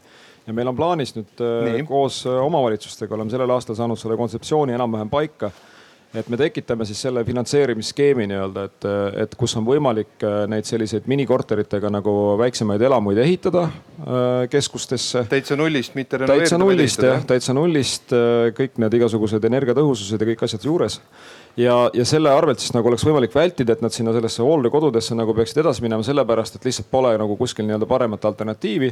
võib-olla kõrvalabi nii väga ei vajagi, aga on olemas sellised kohad, et ma tean, et Põltsamaal näiteks äh, juba on krunt valmis enam-vähem, kuhu seda võiks nagu tegema hakata. Võru äh, on väga huvitatud, et meil on siin paarkümmend omavalitsust juba nii-öelda, kes on sellel teemal väga huvitatud olnud ja Türi on olnud ka väga huvitatud. vabandust, Rait, ma põikan siia vahele, kas ja, ja, on see välja hõigatud või ja, juba on mõnel natuke rohkem infot kui teised? see on äh, ei, see on välja hõigatud, me oleme ettevalmistusi teinud koos omavalitsustega valitsustega ja nüüd me räägime siis nii-öelda sellest viimasest lihvist, et kuidas see meede peaks kujuneda ja miks see on oluline nagu nii-öelda piirkondade jaoks on see, et noh, mina muretsen nagu nende äärealade pärast on ju, mis seal vaikselt nii-öelda nagu sisse kukuvad katused on ju. ja kus on võib-olla vanemaealised elani-, elanikud nagu rohkem, aga noh, näiteks just sellel või eelmisel aastal, kui me Võru linnapeaga arutasime seda, siis tema nagu mõte oli see, et, et kui me suudaksime nagu nii-öelda tekitada ka sellist nagu nende elupindade väikest käivet nii-öelda, et, et noh, vanemaealised inimesed saavad ju tulla nagu nii-öelda vanaduspõlve veetma võib-olla nendele nagu nii-öelda kohasematesse tingimustesse, olla ikka veel oma elu peremehed. aga noh, selle, see kinnisvara, mis seal on, et see võiks ju nii-öelda pakkuda huvi nendele noorematele, et kes veel tahavad võib-olla elada natukene nagu kaugemal naabrist ja, ja võib-olla siis asustada neid kohti, et Kus täna ei ole ka noortel võtta. täpselt et, et, et sest, et noh, paarikümne aastaga seal elades ütleme vanemaealisel inimesel see katus enam nii sirge ei püsi, sest lihtsalt jõud ei käi üle nendest. Rait, see on suurepärane koht eh, küsimaks, kui palju siis omavalitsuste seas huvi oli ka sellise asja vastu, kui te ju toetate, ma saan aru, et omavalitsusel on oma raha siin vaja mängu panna. me alles aga..., alles alustame sellega, ma loodan, et järgmine aasta on see meede lahti, et, et sotsiaalministeeriumi poole pealt ka, et kui see uue perioodi Euroopa vahendite toel ta läheb, et, et kuskil paarkümmend omavalitsust on mul täna nimekirjas, kes päriselt tahaks seda teha. noh, Mustvee, teete ära või ootate? Küllap ikka teeme teete ära jah, selge. me oleme üldiselt igasuguste pilootidega suhteliselt aktiivsed olnud, ma arvan, et. panete kõigele küüned taha, mis turgu paisatakse? tuleb pingutada. hästi, nüüd räägime ettevõtlusest, kuidas tundub, Mart, on nüüd oma teema? Juba parem. väga hea, ma käisin natuke teid seal ukse vahelt ka piilumas seal, mis ta oli, teatri ja muusikamaja jah. siis ainus koht, kus ei saanud kuidagipidi kokkuvõtet teha, oli ettevõtlus, sest ettevõtjad olid ära läinud. see mulle alati meeldib, kuidas omavalitsuse inimesed on kohal, riik tuleb ka, räägitakse ettevõtlusest, mitte ühtegi ettevõtjat kuskil ei ole. aga isegi siis, kui teil nad on olnud siin varasemate nädalate jooksul, siis mida te olete välja mõelnud? No võib-olla tegelikult ma isegi alustaks ühest teisest teemast ja selleks on äh, äh turism ja, ja võib-olla. ei, me alustame sellest äh, teemast nimega ettevõtlus. turismi ja ettevõtluse katus ehk siis mis on, äh, mis on see lugu või identiteet, mis on siis Kesk-Eestil, et mille kaudu siis ettevõtjaid ja turiste meelitada et kui me välitöid avasime äh, esmaspäeval, siis, siis me kuulsime seda, et, et Kesk-Eesti nii Jõgeva kui Järva tahavad äh, saada lahti enda sellisest äh, sõõriku kuvandist, et neil on täna. sõõriku kuvand. just, et, et kui kui see on pealinn, teatakse Ida-Virumaad, teatakse Tartu, Tartu taguseid alasid, eks setosid, võrokaid, eks saarlasi aga, aga Kesk-Eesti häda võib-olla selles, et, et siit tihtilugu sõidetakse läbi ja tikupoissi teatakse rohkem võib-olla isegi kui Valli torni kohati. Et, et kuidas siis sellest mööda saada ja, ja välja saada ja, ja nende soov tegelikult on saada siis sõõriku asemel kohupiimakorbiks ja, ja, ja mõned mõtted võib-olla ütleme, mis, mis sealt tuli. huvitav, mis selle gradatsiooni tipus on? et äh, jah, et mis, mis see, mis see, see lugu siis on, et kui me Jõgevamaal arutasime, et mis see Jõgevamaa lugu on, et kas see on Kevade, noh mõtlesime, et ei, et Kevade sihuke mustvalge film. järgmisena tuleb Kalevipoeg need on kõik klišeed. välismaalase väga jah ei kõneta, siis tuli Kalevipoeg, eks Kalevipoeg käis WRC-s ära, aga sealt ka vist paljud ei saanud päris hästi aru, mis see on aga siis ütleme nii, et jõudsime siis selles arutelus sinnamaani, meil olid Eesti kusjuures kõige paremad turismieksperdid, kes käivad välismaal Eestit müümas. no kuhu te jõudsite? jõudsime Jõgeva kollaseni, et on vaja kartulikotist välja võtta see Jõgeva kollane, et Jõgeval on tegelikult kõik ju olemas, neil on taimekasvatuse instituut, eks Äh, kartulikasvatajad, kõige viljakam mullad, põllumajandust ei tasu häbeneda. Saku baasi sõite ka ära viimasena veel ju. just ja, ja, ja kui me siia juurde toome ka siis Järvamaa, äh, kes on siis saamas piimapealinnaks või juba tegelikult on, eks lisaks e-piimale ka farmi piimatööstused, et siis, siis toiduklaster või toidukultuur on see, mille üle seda lugu või identiteeti, identiteeti hakata ehitama. Ja, ja võib-olla üks paralleel veel siis äh, kultuuriseminarilt, äh, kui, kui siin tõime näite, et, et et erinevatel piirkondadel oma selline identiteet, et kellel on oma murrak ja, ja muud asjad, et, et mis siis, mis siis Kesk-Eestil on ja seal kultuuriseminaril minu arust jõuti sinna, et, et, et Kesk-Eestis on see päris eestlane. hästi, hästi, keskeestlane, ütleme siis tema kohta veel, siis on nagu tumeroheline ka veel küljes. aga tuleme selle kollase juurde tagasi, tegelikult on ju vahva kokku saada ja arutada igasuguseid mõtteid ja eks seda oli ju varemgi tehtud. umbes aasta aega tagasi olin ma Jõgevamaa ettevõtlusauhindade jagamisel, see oli suur ja väga pidulik üritus, Aivar Kokk pani selle veel püsti ja seda oli tõesti uhke vaadata. minu meelest seal ei olnud mitte ühtegi põllumajandustootjat.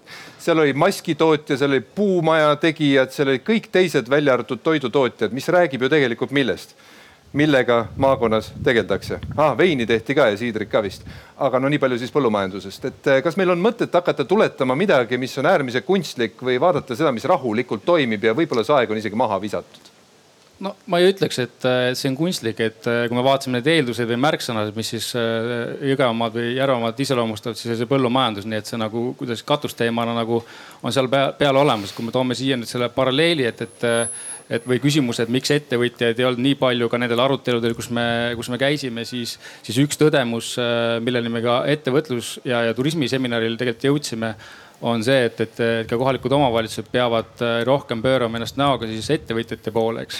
hästi, seda juttu ma olen ka kuulnud, aga võtame korraks, äh, võtame korraks nüüd tagasi. põllumajandus väidetavalt ja sobib ka Kesk-Eestile mõlemale teate, kui ma juba siia tulin ja ma kuulsin seda sõna välitöö, siis mul tuli üks väga huvitav uuring tuli meelde. see oli vist CV Keskus või CV Online, kes see tegi. mingisugusel väga suurel noorteüritusel küsis noortelt inimestelt, et kuulge, kellena te olete valmis töötama. seal ei olnud mitte üks amet võimalik märkida, vaid hästi palju ameteid. pandi pingerida kokku, seal julgelt sada ametit. kas te pakute välja, mis oli esimese kolmekümne ameti, kõige rohkem pakutud ameti ühine nimetaja? kas te pakute välja? see oli noorte eelistus siis, mis see oli? no võib-olla Saal tahab pakkuda. ju, ju ta oli siis vastand kontoritöö äkki siis. tubli Rait, tubli Rait, mitte ükski neist ei töötanud õues ja nüüd me hakkame rääkima sellest, et põllumajandus, millest eh, noh, me võime nüüd hakata rääkima sellest traktori rool on nagu ma ei tea, pult ja joystick ja nii edasi. kuule, ta istub toas, mängib joystikuga, eks ju, arvutimängu, tal ei ole vaja põllu peale minna. et kas me nagu mõtleme neid asju ka läbi, et kui eelmisel kõnelejal oli just eesmärk see, et me peaksime ka noori meelitama, kõike seda. et kas see on see asi, mida me peaksime täna tegema või hoopis millegi muu külge minema? Ma arvan, et see ongi üks õige koht, eks, et eh, ega need noored ju ei tea, ei näe, eks, et nende jaoks võib-olla ongi see. hakkame neid kasvatama, et toome need vägisi Jõgevamaale, hakkame põllumajandust näitama, no, või? kui paljud nendest noortest Äkki on käinud. tulevad elama ka veel ja Pipi-Liis annab toetust natuke. uutes eh, kaasaegsetes kasvõi piimatööstuse. oi, on tehtud küll no,, on ikka käidud küll ja jooksevad sealt ära kohe tagurpidi ja need, kes tulevad, need ikka tulevad, nendel on isa põllumees. no minister Sutt eile siis tuli ettevõtlusseminarile otse siis e-piimatehasest ja rääkis rääkis väga, väga ilusa loo, nii et ma arvan, et seal saalis viibijatest enamus. igal poliitikul on viis ilusat lugu kaasas, mitte üks. tahab ka e-piima minna, nii et jah äh,, küll, aga sisuliselt saite aru, millest ma rääkisin. kas on veel millest kinni võtta, mis võiks olla see märk, millele tegelikult pöörata nagu tähelepanu, kui me räägime Kesk-Eesti tuntusest ja meelitamisvõimest? Äh, no ütleme niimoodi, et inspiratsiooni andis äh, meil üks esindaja ka äh, Soomest, kuigi te ütlesite, et ärge midagi Soomest niimoodi otse kopeerige, siis, siis kaks asja, mis mul siia kirja said, ikka on soomlaste pealt kopeeritud. no õpime ja, siis. ja, ja tema nagu soovitus siis meile ikkagist oli see, et, et te peate saama sellisteks nagu automüüjad. et ükski ettevõtja ju ei tulegi mõte, et kas ma tulen siia Järvamaale või, või Jõgevamaale, et, et selleks on vaja nagu kõvasti siis tööd teha pakun ainsale daamile väikese lohutuse. nii, teie olete katusel nagu riik ikka, jätkake, jätkake. Et äh, tuleb käituda nagu automüüja, et otsida üles siis need äh, tegelased, kes tahavad Mercedest osta ja pakkuda neile Mercedes, kui on pakkuda või kui ei ole, et kui on Toyotat pakkuda, siis tuleb Toyotat äh, pakkuda. aga kui oled väga hea müügimees, siis võid Mercedese ostjale ka Toyota maha müüa, nii et tegelikult see mõte oli selles, et et äh, siis arenduskeskuste inimesed Järvamaalt, Jõgevamaalt ja omavalitsuste esindajad siis, siis lubasid hakata äh, automüüjateks hästi, no ilmselt need Mercedese müüjad, kes on tahtnud tulla maakonda, need on juba leidnud selle koha ja võimalik, et ehitanud midagi üles. muide, ka need siidritegijad on väga aktiivsed vennad tulnud sageli kuskilt Tallinnast. Neil on mingi oma koda leitud, kas see on siis vanaisa seal elanud või midagi taolist, nad on pannud selle mingisugusest romantikast püsti, selle asja. tihtilugu need ka kõrbevad, idufirmale ei saa seda pahaks panna, et eh, elu ei kesta väga kaua. aga kas te jõudsite veel millenegi? no räägime siis elamumajandusest veel, mis eh, mis seal otsapidi seotud oli, et mis, mis on veel mingid ideed? no me jõudsime sinna tegelikult, et mida see ettevõtja siis, siis ootab, et temal ei ole aega oodata, kui keegi hakkab talle siis äh, maatükki otsima sinna planeeringut peale tegema äh,, trasse rajama, eks, et see valmidus äh, siin peab olema loodud omavalitsuste poolt, eks.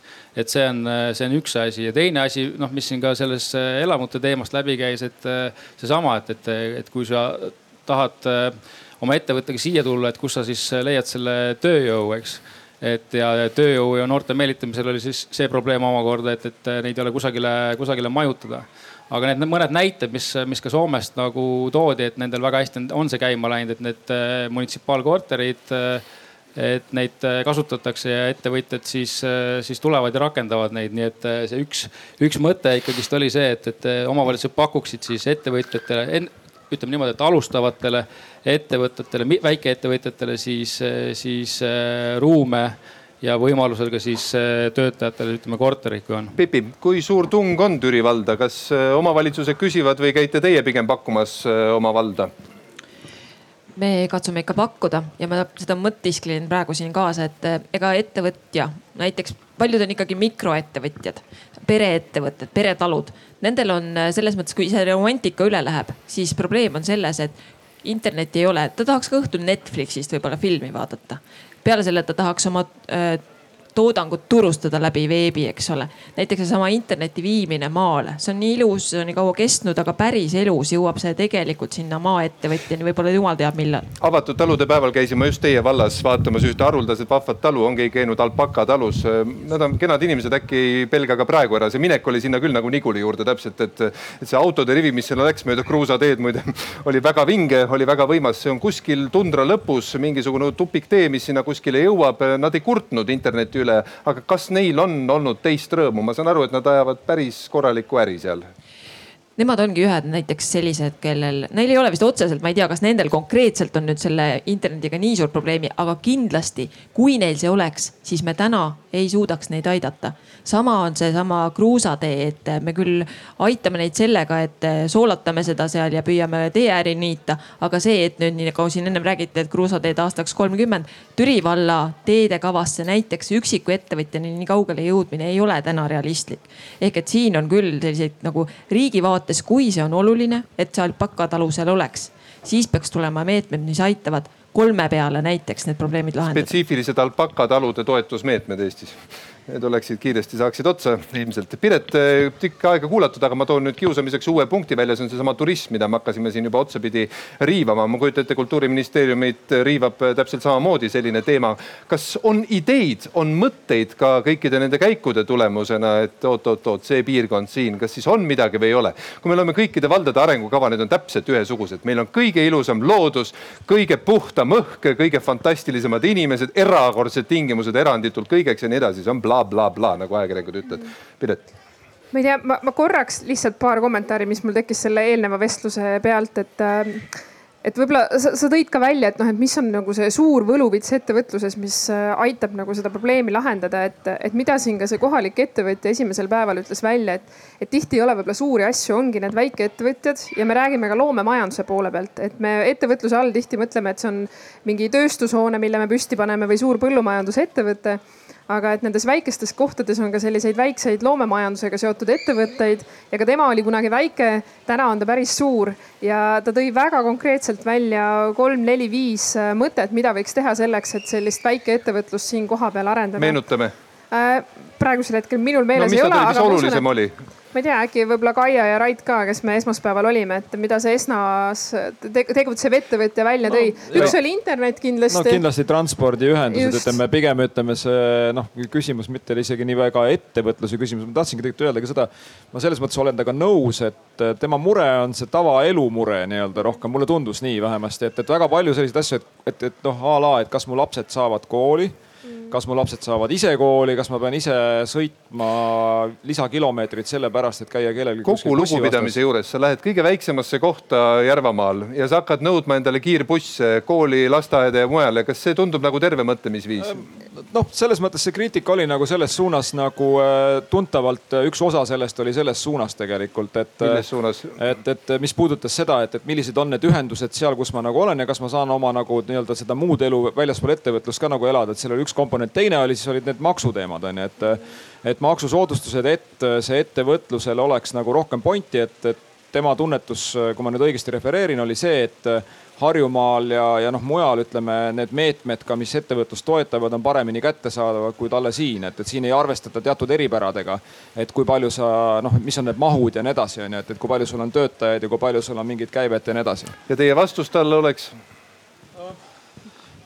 no mul on keeruline selles mõttes nagu vastata, ma küll noh, ütleksin seda, et, et ma arvan, et selline noh, baasinfra nagu nii-öelda, mis toetab nagu nii-öelda maal elamist, et see on nagu omavalitsuse nagu üks hool ja mure nagunii. Nüüd noh, ma võib-olla ütleksin nagu seda, et noh, teatud mõttes nagu ütleme, selline hajaasustuses nagu toimetamine noh eeldab ka teatud teistsugust võib-olla siis ütleme valmidust nagu nii-öelda siis toime tulla kõlab kalgilt, aga, aga, aga, aga on ka mingid tõenäoliselt positiivsed küljed sellel ka väga tugevad. ja nüüd üks asi võib-olla, mis mul selle noh, see turisti nagu nii-öelda või turismi nagu nii-öelda arutelude juures äh, kõrvalseisjana võib-olla rohkem äh, võib-olla painab, on nagu see, et on noh, väga tore on see turismivärk ja kõik on ju, et aga noh, lõppkokkuvõttes kogu see majandus, kõik need ettevõtted, ka see turismiarendus ja kõik see ju seisab inimeste najal on ju. ma arvan, see Pipi-Liisi valla nagu nii-öelda see kakssada inimest, kes on sinna nii-öelda ankurdatud sellesse valda Äh, noh, loovad äh, selle viie aasta jooksul äh, rohkem nagu või, või, või ütleme ka seda ettevõtlust nii-öelda. et sa võiks nagu tegeleda tegelikult sellega, et sa nagu üritad neid inimesi ankurdada ja kui Mustvees alustati, siis selline võõras sõna mulle oli osikud või, et, et osi, osikud, et, et mina ei teadnud, mida tähendab, mida tähendab osik.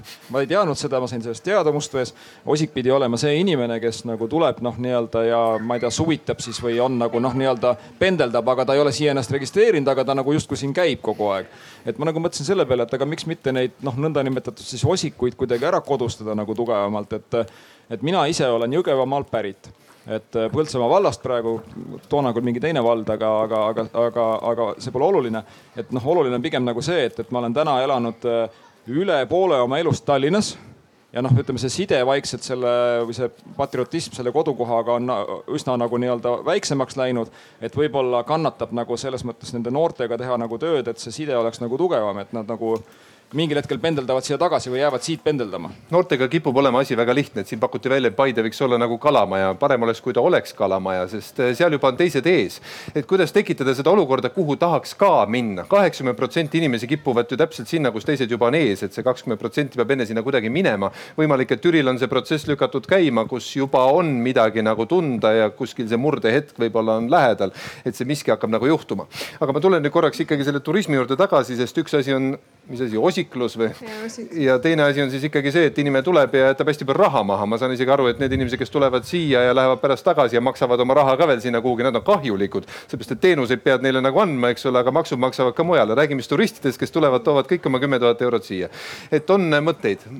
ja ma, ma jõuan, aga ma ühe asja veel ütlen selle jutu ja et seesama ettevõte tegelikult äh, ta ütles välja, mis on tema murekohad, aga ta ei eeldanud seda, et riik talle koduõuele kõik ära toob, et ta väga selgelt rõhus sellele kogukonnale.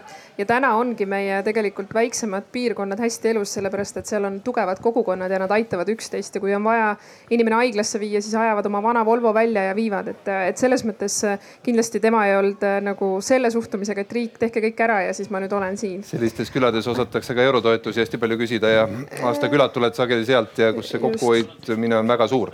aga, aga... nüüd kultuurist ei, ei, ei, Piret, ma rääkisin praegu Turist... turismist, meil on see teema ka veel natuke ekseldada, kui me üldse jõuame kultuurini, nii et olge ree peal. ma arvan, et tegelikult turism ja kultuur on omavahel hästi tihedalt seotud. siis räägime turismist. ja sa juba korra rääkisid tegelikult sellest kultuuritemaatikast no, ka. et äh, mis see täna probleem lihtsalt on see, et äh, kui me rääkisime kultuuriseminarist. me räägime praegu turismist, ma ikkagi kutsun okay. nii palju korrale nüüd, et kas äh, ministeeriumides on need aknad nii kõvasti kinni, ma räägin turismist praegu, kas teil on mõtteid või ei ole? Mina tegelesin kultuuri, ma ei tea. selge, siis öelgegi, et te tegelesite sellega, sellega ei tea, ma pakkusin teile lihtsalt võimalust sel teemal rääkida. siis ma lähen sinna härraste poole tagasi, et äh, turismiga mingid konkreetsed ideed lisaks Jõgeva kollasele, mida peaks tulema kuhugi vaatama?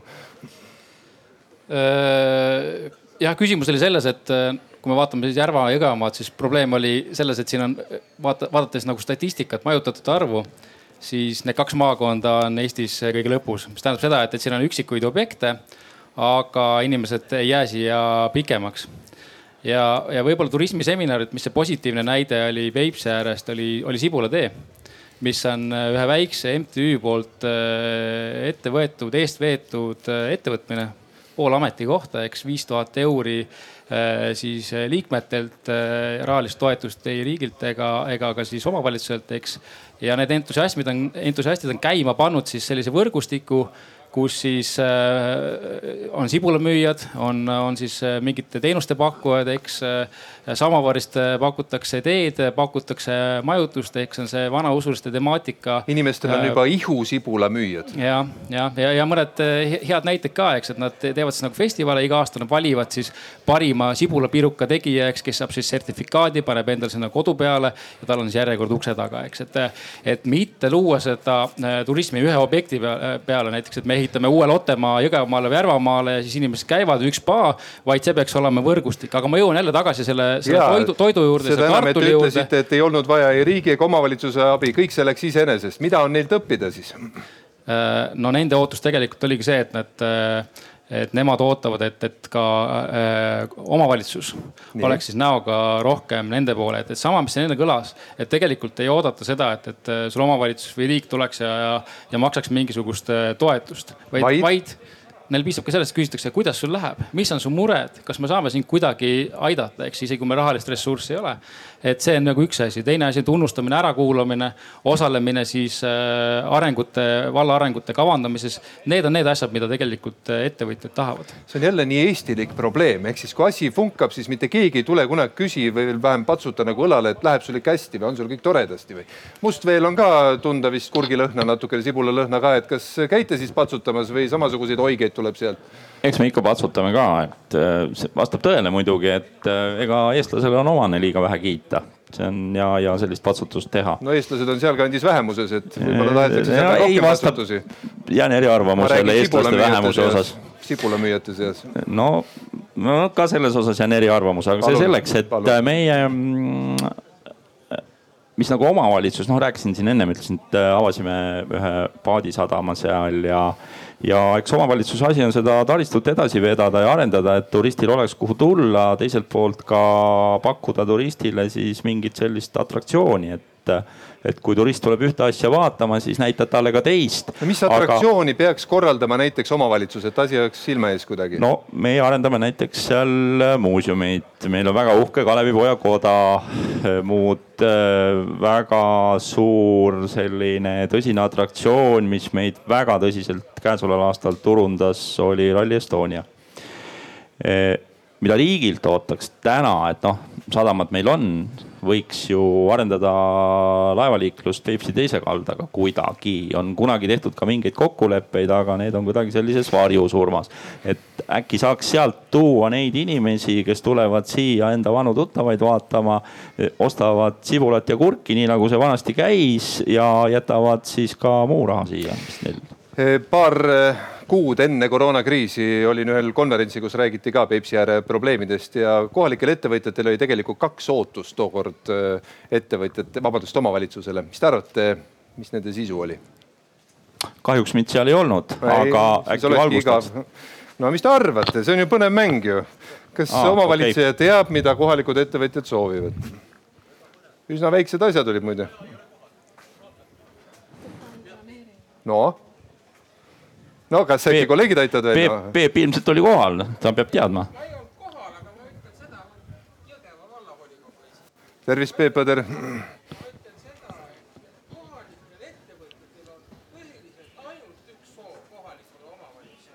ja see on? Ärge segage vahele, seda ma olen tõesti kuulnud, see oli ilmselt kolmas soov, siis kaks soovi olid veel. tehke palun tualettruume ja bussile parkla. rohkem soove ei olnud. et äh, bussiparklad on ikka ära kukkunud, pole lihtsalt bussi, mis sõidaksid, aga, aga vetsus tahaks ikka käia, mõned õnnetud hädalised seisavad seal käed-jalad risti. aga Mustvees siiski oli, oli, kõlas nagu konkreetsemaid asju ka onju, et näiteks räägiti sellest, et ei ole olemas nendele matka, nende karavanautodele, mida seal kohtab tegelikult päris sageli Mustvee kandis ei ole mm -hmm. nagu sellist korralikku nagu nii-öelda infrat välja arendatud on ju. noh, ma arvan, et sarnaselt sellele minu selle Wake Parki avastusele nii-öelda see Kalevipoja koda, kus ma olen ka poolkogemata käinud nii-öelda, et, et see valmis sai eelmine aasta, et noh, ma ei teadnud sellistest kohtadest on ju. ja noh, tegelikult ütleme omavalitsus ja ometigi jah, ma ei tunne seda kanti nii, Musta kanti nii hästi. et ja ei tunne isegi seda Wake Parki kanti on ju et, et siis äh, noh, tegelikult on see, üks on see turunduse pool ja teine pool on nagu see, et noh, vald tõenäoliselt saab nagu need infravalmidused nagu luua, et ega see Voorese elamu kruntide valmidus ei ole üldse paha mõte ju tegelikult on ju, et aga jällegi, kui sa toksid kuskile KV-sse sisse, ma ei tea, kas need Voore variandid üldse tulevad ette kuidagipidi on ju nagu Piret alati teab, siis kultuur jääb viimaseks. nüüd on tõesti sõna kultuur, mitte enam turism ja see muidugi hõlmab omakorda ka selliseid termineid nagu haridus ja muu. kui tõsta sellest grupist nüüd kõige olulisem teie kõrvus, aga miks mitte ka kaasmõtlejate kõrvus kõige olulisem esile, mida peaks tegema siis, mis see on ähm.? ma ikka pean ühe asja ära klaarima no,. aeg muudkui läheb. et äh, ja, et see turism tegelikult väga palju põhineb ikkagi äh, kultuuril ja kultuuripärandil et äh, Euroopas on ka seda uuritud ja suurem osa nagu turismist ongi seotud sellest, et inimesed tulevad erinevate kultuuripärandite ja erinevate objektide juurde.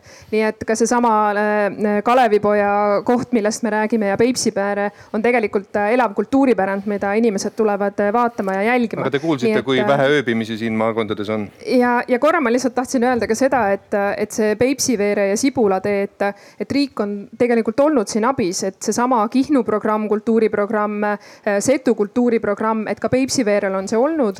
just selline nagu oma kultuuri võimestamine, sest äh, selline asi ei teki lihtsalt äh, tühja koha pealt, et, et need traditsioonid kujunevad väga mitmete aastate jooksul, kus on üldse võimalik selle peale sellist tähelepanu saada No nii. aga nüüd, mis äh, kultuuri arutelust ja haridusaruteludest välja tuli, et kultuuri poole pealt kõigepealt see, et mis on hästi nukker, et äh, kultuur on ju meie põhiseaduses üks olulisemaid asju, aga ta tundub kõigi jaoks nii loomulik, et sellega ei tegeleta. ja mis sealt välja tuli, oli just see, et, äh, et kohalikes omavalitsustes ei ole neid inimesi, kes kultuuriga konkreetselt tegelevad. Ja kui on vaja kokku hoida, siis on kultuur esimene koht, kus öeldakse, et noh, see on ju meelelahutus, et siit pealt annab kokku hoida, et see teadlikkus kultuuri korraldada ja seesama, kui me rääkisime nendest arengukavadest ja nii edasi, et ähm, mis jäi ka kõlama, on see, et kohalikel omavalitsustel ei ole väga plaani sellest, et kuidas seda kultuuri korraldada.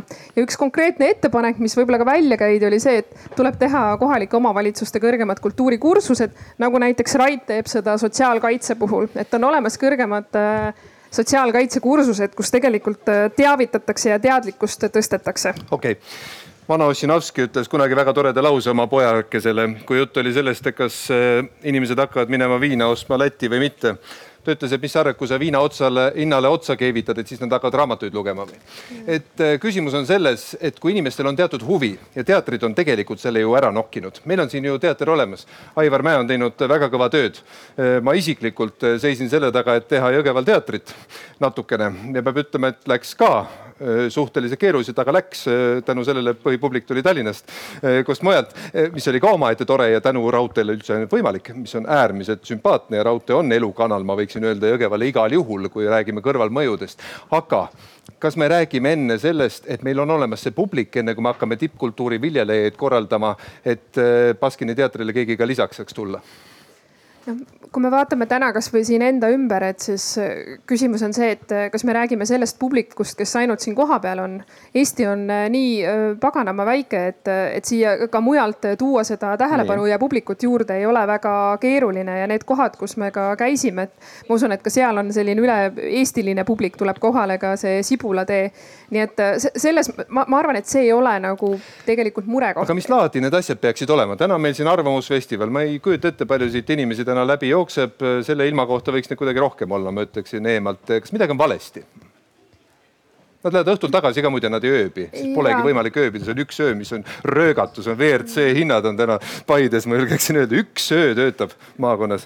ma arvan, et mille osas on Eesti hästi rikas, on see, et Eestis on tohutult äh, palju äh, kultuurifänne, inimesi, kes kultuuri tarbivad, et kui me vaatame, kui palju inimesi muuseumites käib, kinodes, teatrites, siis me oleme Euroopas esirinnas. aga ma arvan, et äh, noh, kui küsida täna konkreetselt, et võiks olla ju rohkem, siis ma arvan, et tänu sellele koroonale täna kõik teevad oma sündmusi, nii et paralleelselt paralleelselt toimub tohutult palju tegevusi. aga kui me räägime sellest, et me andsime vihja, vihje sellele, eks ole, et tulevad ka mujalt esinejad siia tulevad mujalt, teevad tipptasemel asja, publik tuleb ka mujalt mis kasu sellest kohalikul kohal siis üldse on lihtsalt parkida pole kuhugi Selveri ees. ja, aga minu tunne on, võib-olla ma eksin, et Arvamusfestivaliga on seotud väga paljud kohalikud äh, inimesed ja on saanud nagu jõudu ja indu juurde väga paljud kohalikud inimesed. täna korraks äh, lihtsalt põigates Ida-Virumaale, et, äh, et ma arvan, et ametnike välitöid tõid äh, tegelikult väga suure tähelepanu sinna, tõid lõpuks ka presidendi sinna, et me olime ikkagi esimesed, president oli pärast meid. et, äh, et arvatakse alati, et noh, pealinnast sõidetakse kohale, aga ei ole nii, et äh, täna ka oma sündmuseid, kultuuritegevusi seal tehes on alati üks eelduseks see, et kohapeal peavad ka inimesed olema abis. ja, ja ma olen täiesti kindel, et kui need suursündmused korraldavad, neid ei tehta ilma kohalike inimesteta. kas see ongi siis kontseptsioon, et hakkame siin tegema suuri asju, toome Tallinnas publiku? Ma arvan, et ei pea tegema alati suuri asju, ei pea alati tooma Tallinnast ka publikut aga kohale. mida selleks teha, et tuleks ikka väiksemad asjad, mida teha, konkreetselt tegevusplaan? aga vot siin ongi see, et, et tegelikult peab olema kohalikus omavalitsuses ka see kultuurikorraldaja kompetents. asjad ei juhtu niisama, peab olema keegi, kes teab ja tunnetab ja see peab olema kohaliku omavalitsuse prioriteet, mitte esimene asi, mis ära langeb nii lihtne see mõnes mõttes ongi ja ma arvan, et see algab peast, see algab sellest, kas kohaliku omavalitsuse juht saab aru, et sellel on üks, et see on üks arengu eeldustest. seesama, et noh võib-olla lihtsalt tänu sellele, et ma Ida-Virumaalt ise pärit olen, eks ju. et inimesed ei tule sinna sellepärast, et seal on ägedad tööstused ja suured tööstused. inimesed hakkasid sinna tulema sellepärast, et sinna tulid Kremli ööbikud, sellepärast, et sinna tuli Mägede hääl, sellepärast, et seal on bastionid ja nii edasi ja nii edasi. et kultuur on midagi, mis aitab tõsta kohapealset identiteeti ja tõmba tähe, tõmmata tähelepanu. teiste sõnadega Narvas on hea kultuurikorraldaja ja siin mõnel pool ei ole ma olen näinud, ma olen näinud siin väga palju häid kultuurikorraldajaid, rääkides juba sellest samast äh, Kalevipoja muuseumist, äh, milles on, ma arvan, et Eesti üks parimaid äh, ekspositsioone tänasel hetkel virtuaalseid, vähemalt nii väitis minu kantsler, kes ka siin ringi käis. no kas teil on hea kultuurikorraldaja ja mille järgi te teda hindate? meil on küll hea kultuurikorraldaja, aga ma tahan öelda, et ainult sellest ei piisa. nii sellepärast, et äh, teatud mastaap on vajalik, nagu te isegi siin räägite, et peab tooma kas külastaja mujalt või kuidas see muidu asi välja tuleb, eks ole, sest meil on ju teisi prioriteete ka, sotsiaalhoolekanne ja teed ja ettevõtlus ja muu. aga kindlasti on omavalitsus ja miks ka mitte riik ja mina tean, et kultuuri aruteludes kõlas ka see, et kinomaale teatermaale, kontsertmaale, galeriimaale. see on kindlasti ka, kui me tahame, ütleme, et põhiseaduses on kirjas, et eesti keel ja kultuur ja meie asi on seda kõigi asi hoida, siis riik peaks ka samal moel sellesse panustama, omavalitsus muidugi. Türi galerii, mille me lõime, on väga suurepärane ja uskuge, ega alguses ei olnud palju inimesi, kes siis hakkasid galeriis näitustel käima, näituse avamisel käima, aga seda õpitakse klassikalised muusikafestivalid, mida me Covidi vabadel aastatel kevadeti korraldame, seal ei olnud alguses noh, ühe käe sõrmedel kohalikke inimesi. Nad tulevad siis, kui nad näevad, et see on noh, võib-olla isegi põnev, võib-olla ohtlik. Pipi-Liis, kas te olete mõelnud näiteks, et teie galeriisse tuuakse üks tõeliselt üle Euroopa kuulus rariteet näiteks ja korraga on Türi hopsti kaardi peal, näiteks äh, kuskilt sealt kultuuriministeeriumist tuleb ilus toetus ka, üks pilt, kindlustus, et see on kohutavalt kallis, kohutavalt ebamugav, üks mikrobuss tuhande valvuriga ja nii edasi, aga teete selle ühe liigutusega Türi maailmakuulsaks ega selline ongi selle tubli kultuurikorraldaja tegelikult eh, noh, nagu. Teil ju on tubli kultuurikorraldaja. meil on ja ma lähen kohe räägin talle, ta hakkab asja ajama ahah, no mõelge siis pildi peal, et suur Rubens oleks väga ilus, see on suureformaatiline ka. selle eelis on see, et muidugi see üks ettevõtmine jääb ilmselt suurde kahjumisse, aga need, kes tulevad, kelle me nii-öelda külastajana tookord peale maksame, neile teadvustub, et Türil on üks selline galerii ja ükskord oli seal selline asi. täpselt nii, nad hakkavad seda maja katsuma, et siin näidati sedasama pilti. ja palun, Mart. ma tahtsin lihtsalt täiendada seda teemat, et kõlama jääks kuidagi see, et, et, et tulevad Tallinnast ja teevad üritusi ja ja et see ei ole kuidagi nagu kohalikega seotud, et, et seesama Arvamusfestivali kiituseks, et sama idee on kohalikelt inimestelt alguse saanud äh,. iga aasta seda korraldavad äh, kohalikud äh,. See, et siia tuleb äh, pealinnast äh, tähtsaid inimesi, on tore, sest need inimesed on meelitanud omakorda need Paide inimesed siit äh, kodudest välja. tahaks komplimendiga ja... lisada, need noored, kes siin on uste peal, kui te lähete pärast kõndima, vaadake, need on ilmselt Paide koolilapsed ju või lähikonnast, vaevalt nad Tallinnast toodud. ja, ja kui küsimus oli, mis kasu sellest siis Paide inimesel on, et juhtumisi olen mina ka Paides kooli lõpetanud Paide inimene, aidanud Arvamusfestivali vabatahtlikult korraldada ja ämmal on on Paides ka kohvik ja, ja võib küll öelda, et Arvamusfestivali. see ainus klient... kohvik on siis teie ämma oma jah? jah, et Arvamusfestivali klientidest on, on kasu küll, mis sest, et paar päeva ikka parem kui muidu. hea küll, isegi kohvikute arv on ju tegelikult midagi, mis näitab, kas koht on elujõuline või ei ole. Türil, kui mitu kohvikut on täna? just avati üks uus. üks uus ja. paar tükki enne ka. kaks korda rohkem või äh,, kui enne või? kohvik, enam-vähem, kohvikukultuur on täpselt sama asi, kui ei ole kohvikuid, no ei saa kohvikukultuuri tekkida aga üks on ja teine on, virelevad pikalt, aga näete, et tasapisi äh, selles mõttes ikkagi nagu on jälle julgeid, kes alustavad ja see loob uue normaalsuse. kohvikud, Mustvees on ikka kohvikuid, aga ma tahtsin siin täiendada seda, seda mulle kõrva üks lause, et Tallinnast ei, ei tulda tooma õnne. ega siis tegelikult omavalitsuse mastaabis on nagu sama asi, et, et kui me räägime sellest samast Kalevipoja kojast, mis on meil väga uhke, siis see on tegelikult kogukonna poolt äh, alanud ja, ja käigus hoitud äh, omavalitsus on, on seda nii-öelda aidanud, mitte korraldanud. et elujõulised ja uhked on need asjad, mis saavad ikkagi aktiivsete inimeste poolt koha peal algatatud ja, ja kui siis omavalitsusega tekib hää koostöö, siis, siis tekib see sünergia lõpuks tahaks haridusele ka paar sõna öelda, meil ei ole liiga palju aega, me ei saa minna liiga kaugele, meil on mõni minut aega, aga kes vähegi nüüd Paides liigub ringi ja kes kohalik ei ole, siis äh, suund palun sinna, jah. seal võeti küll millegipärast ilusaid puid maha jälle, ma ei tea, kas need olid pärnad või midagi muud sealt ümbert läinud, aga vana tütarlaste gümnaasiumi hoone nüüd hoopis teistsugune. uus juurdeehitus äh, riigigümnaasiumiga, vähemalt Järvamaal on nüüd kõik hästi. Türil, kui ma ei eksi, on uus põhikool nüüd äh, ilus ja uhke ja puha. Paides on ju kooliasjad äh, lahendatud vist täpselt samamoodi. ma nüüd ei tea, kuidas mujal on, Koeru vist ikka jonnib oma keskkooliga, on midagi taolist jah. et natukene tuleb äh, neid asju veel sättida. kas hariduse vallas leidsite neist kahest maakonnast, Jõgevamaad ei jõua siin üldse ekseldada praegu midagi, millega peaks veel tegelema, Piret? Ja et äh, hariduse teema keskenduski sellel korral siis tugispetsialistidele ja kaasavase, kaasavale haridusele, et me jäime pigem sinna, sest see on juba iseenesest hästi suur ja lai teema, aga võib-olla siin tahavad KOV oma äh, juhid kommenteerida seda üldiselt. ma üldse ei kahtle selles, et nad seda tahavad. kui ma küsisin Helir-Valdor Seederilt äh, sotsiaalolukorra kohta sealsamas nädal tagasi debatil, küsisin, kas midagi on hästi ka. meenutan, et teised kõik olid siis oponendid poliitilised. tükk aega väänas nägu, umbes sama kaua kaua, kui tuli selgitada oma Viljandi koduteed, mis ehitatud ka natukene kiiremini, kui vist oleks viiekümne auto nõue sinna jõudnud. aga, ja lõpuks ütles ta ilusa lause selle kohta. teate, üks asi on küll hästi, meil on Eesti Vabariik ja me oleme tunduvalt paremas kohas kui kolmkümmend aastat tagasi ja sellele vist on üsna keeruline vastu vaielda, kas olete nõus? Ja Pipi. kui ma tohin öelda, siis tegelikult äh, ma fookuse paneksin kogu ka selle välitööde raames mitte sellele, et me tuleme siia Jõgevamaale ja Järvamaale kokku selle jaoks, et siin on kõik midagi väga-väga halvasti, vaid minu vastupidi. asi oli provotseerida, et te räägiksite ainult headest asjadest. ja minu äh, selline slogan on alati olnud, et ma väidan ja tahan äh, seada eesmärgiks, et Järvamaal näiteks elavad kõige õnnelikumad inimesed. meie kõigi asi siin on nagu sellele eesmärgile, sellele väitele iga päev nagu seda tõe, tõestust ikkagi leida ja seda provotseerida kommenteerida seda omakorda. rahvas peab sellega vastu võtma, niipea kui Pärnu linn oli kuulutanud oma slogani välja mingil ajal, et elagu ise, siis esimene Delfi kommentaar oli sure vee ära. aga see on nii eestlaslik. aitäh, aitäh, daamid, kõigepealt aitäh. aitäh, Pipi-Liis, aitäh, Rait. aitäh suur tänu, jõudu Mustveesse ja Voore külla rohkelt äh, inimesi nagu liiva mere äärde. nii, kus on meil Rainer, ole hea, tule ütle nüüd oma mehe sõna ja kutsu oma sõbrad ka veel siia, et kõik nad saaksid öelda midagi tähtsat selle suure ettevõtmise lõpetuseks. Rainer Heidemiller, kõige suurem Paide fänn, ma julgen öelda, teab igast majast rääkida umbes kolm A4.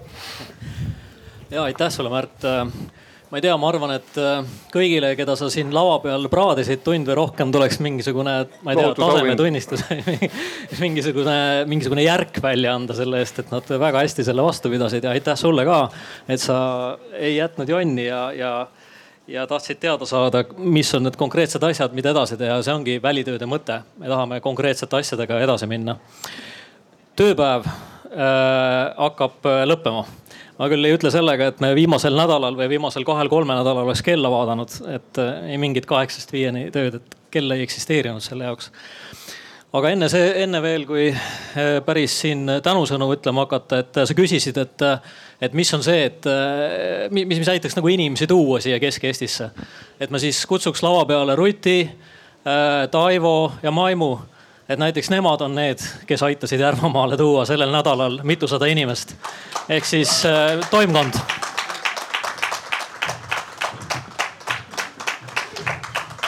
ja, ja ma paluksin siia ka Väino Tõemetsa, kes on siis rahandusministeeriumi regionaalhalduse osakonna juhataja, sest see on see üksus rahandusministeeriumis, kes juba teist korda on olnud vastutav selle eest, et välitööd toimuksid. ja, ja ma annaks sulle korraks mikrofoni, mis sul lõpetuseks oleks meil kõigile öelda? Äh, aitäh, Rainer kõigepealt muidugi aitäh kõigile, aitäh, kes seda korraldasid, aitäh, kes osalesid, aitäh, kes nende seminaride kokkuvõtteid tegid. tegelikult Kagu-Ees või Kesk-Eesti välid, ma olen mõlemal osalenud ja sellepärast mul on nad nii lähedased, et Kesk-Eesti välitööd on ühelt poolt lõppenud, aga on lõppenud ainult see kõige säravam osa.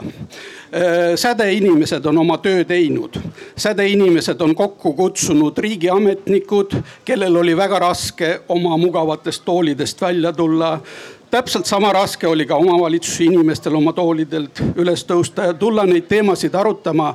aga nad on kõik olnud koos, nad on öö, kokku pannud need ettepanekud, mis teie ees kõlasid. suur tänu Kaiale, kes tegi väga hea kokkuvõtte ja Märt Treiel, Treilil, kes öö, siin no tõsiselt praadis teid ja, ja tõesti te küpsustunnistuse ilmselt peate kõik saama nüüd, kuidas edasi?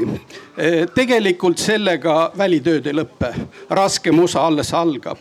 nüüd tuleb kõik need ettepanekud läbi töötada, valida välja nendest need, mis on elluviidavad ja nendega edasi töötada.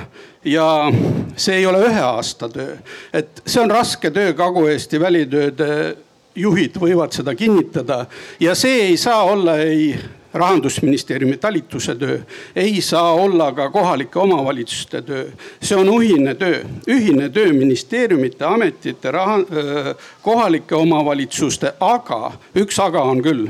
peamine eestvedaja peab olema kohalik omavalitsus peamine eestvedaja peab olema kohalik omavalitsuses, kui kohalik omavalitsus tunneb, et siin Kesk-Eestis, Jõgevamaal, Järvamaal on neid asju vaja teha, siis nad saavad ka koos riigiga ja koos ettevõtjatega ka tehtud. nii et minu poolt veel kord suur tänu, jõudu teile ja nüüd ma annan sõna edasi peakorraldajale. Rainer, palun.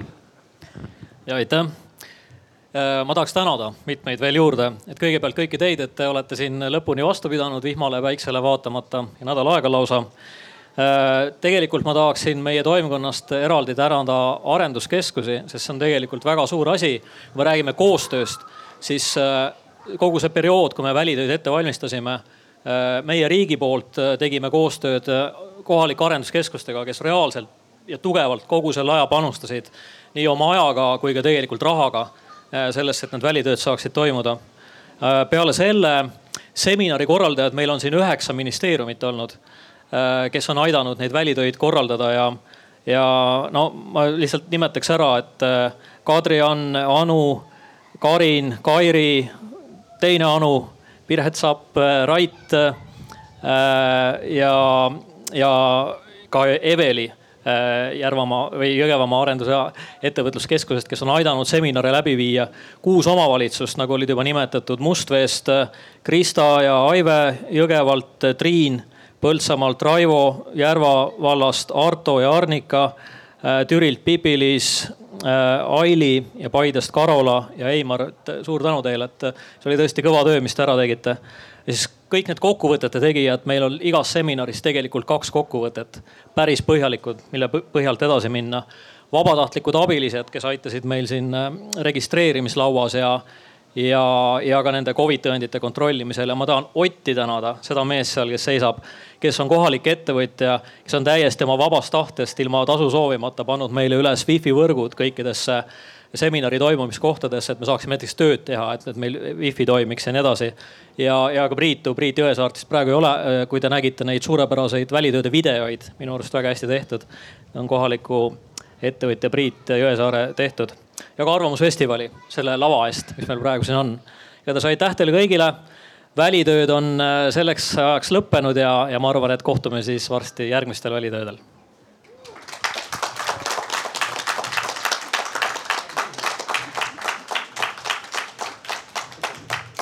head Arvamusfestivali.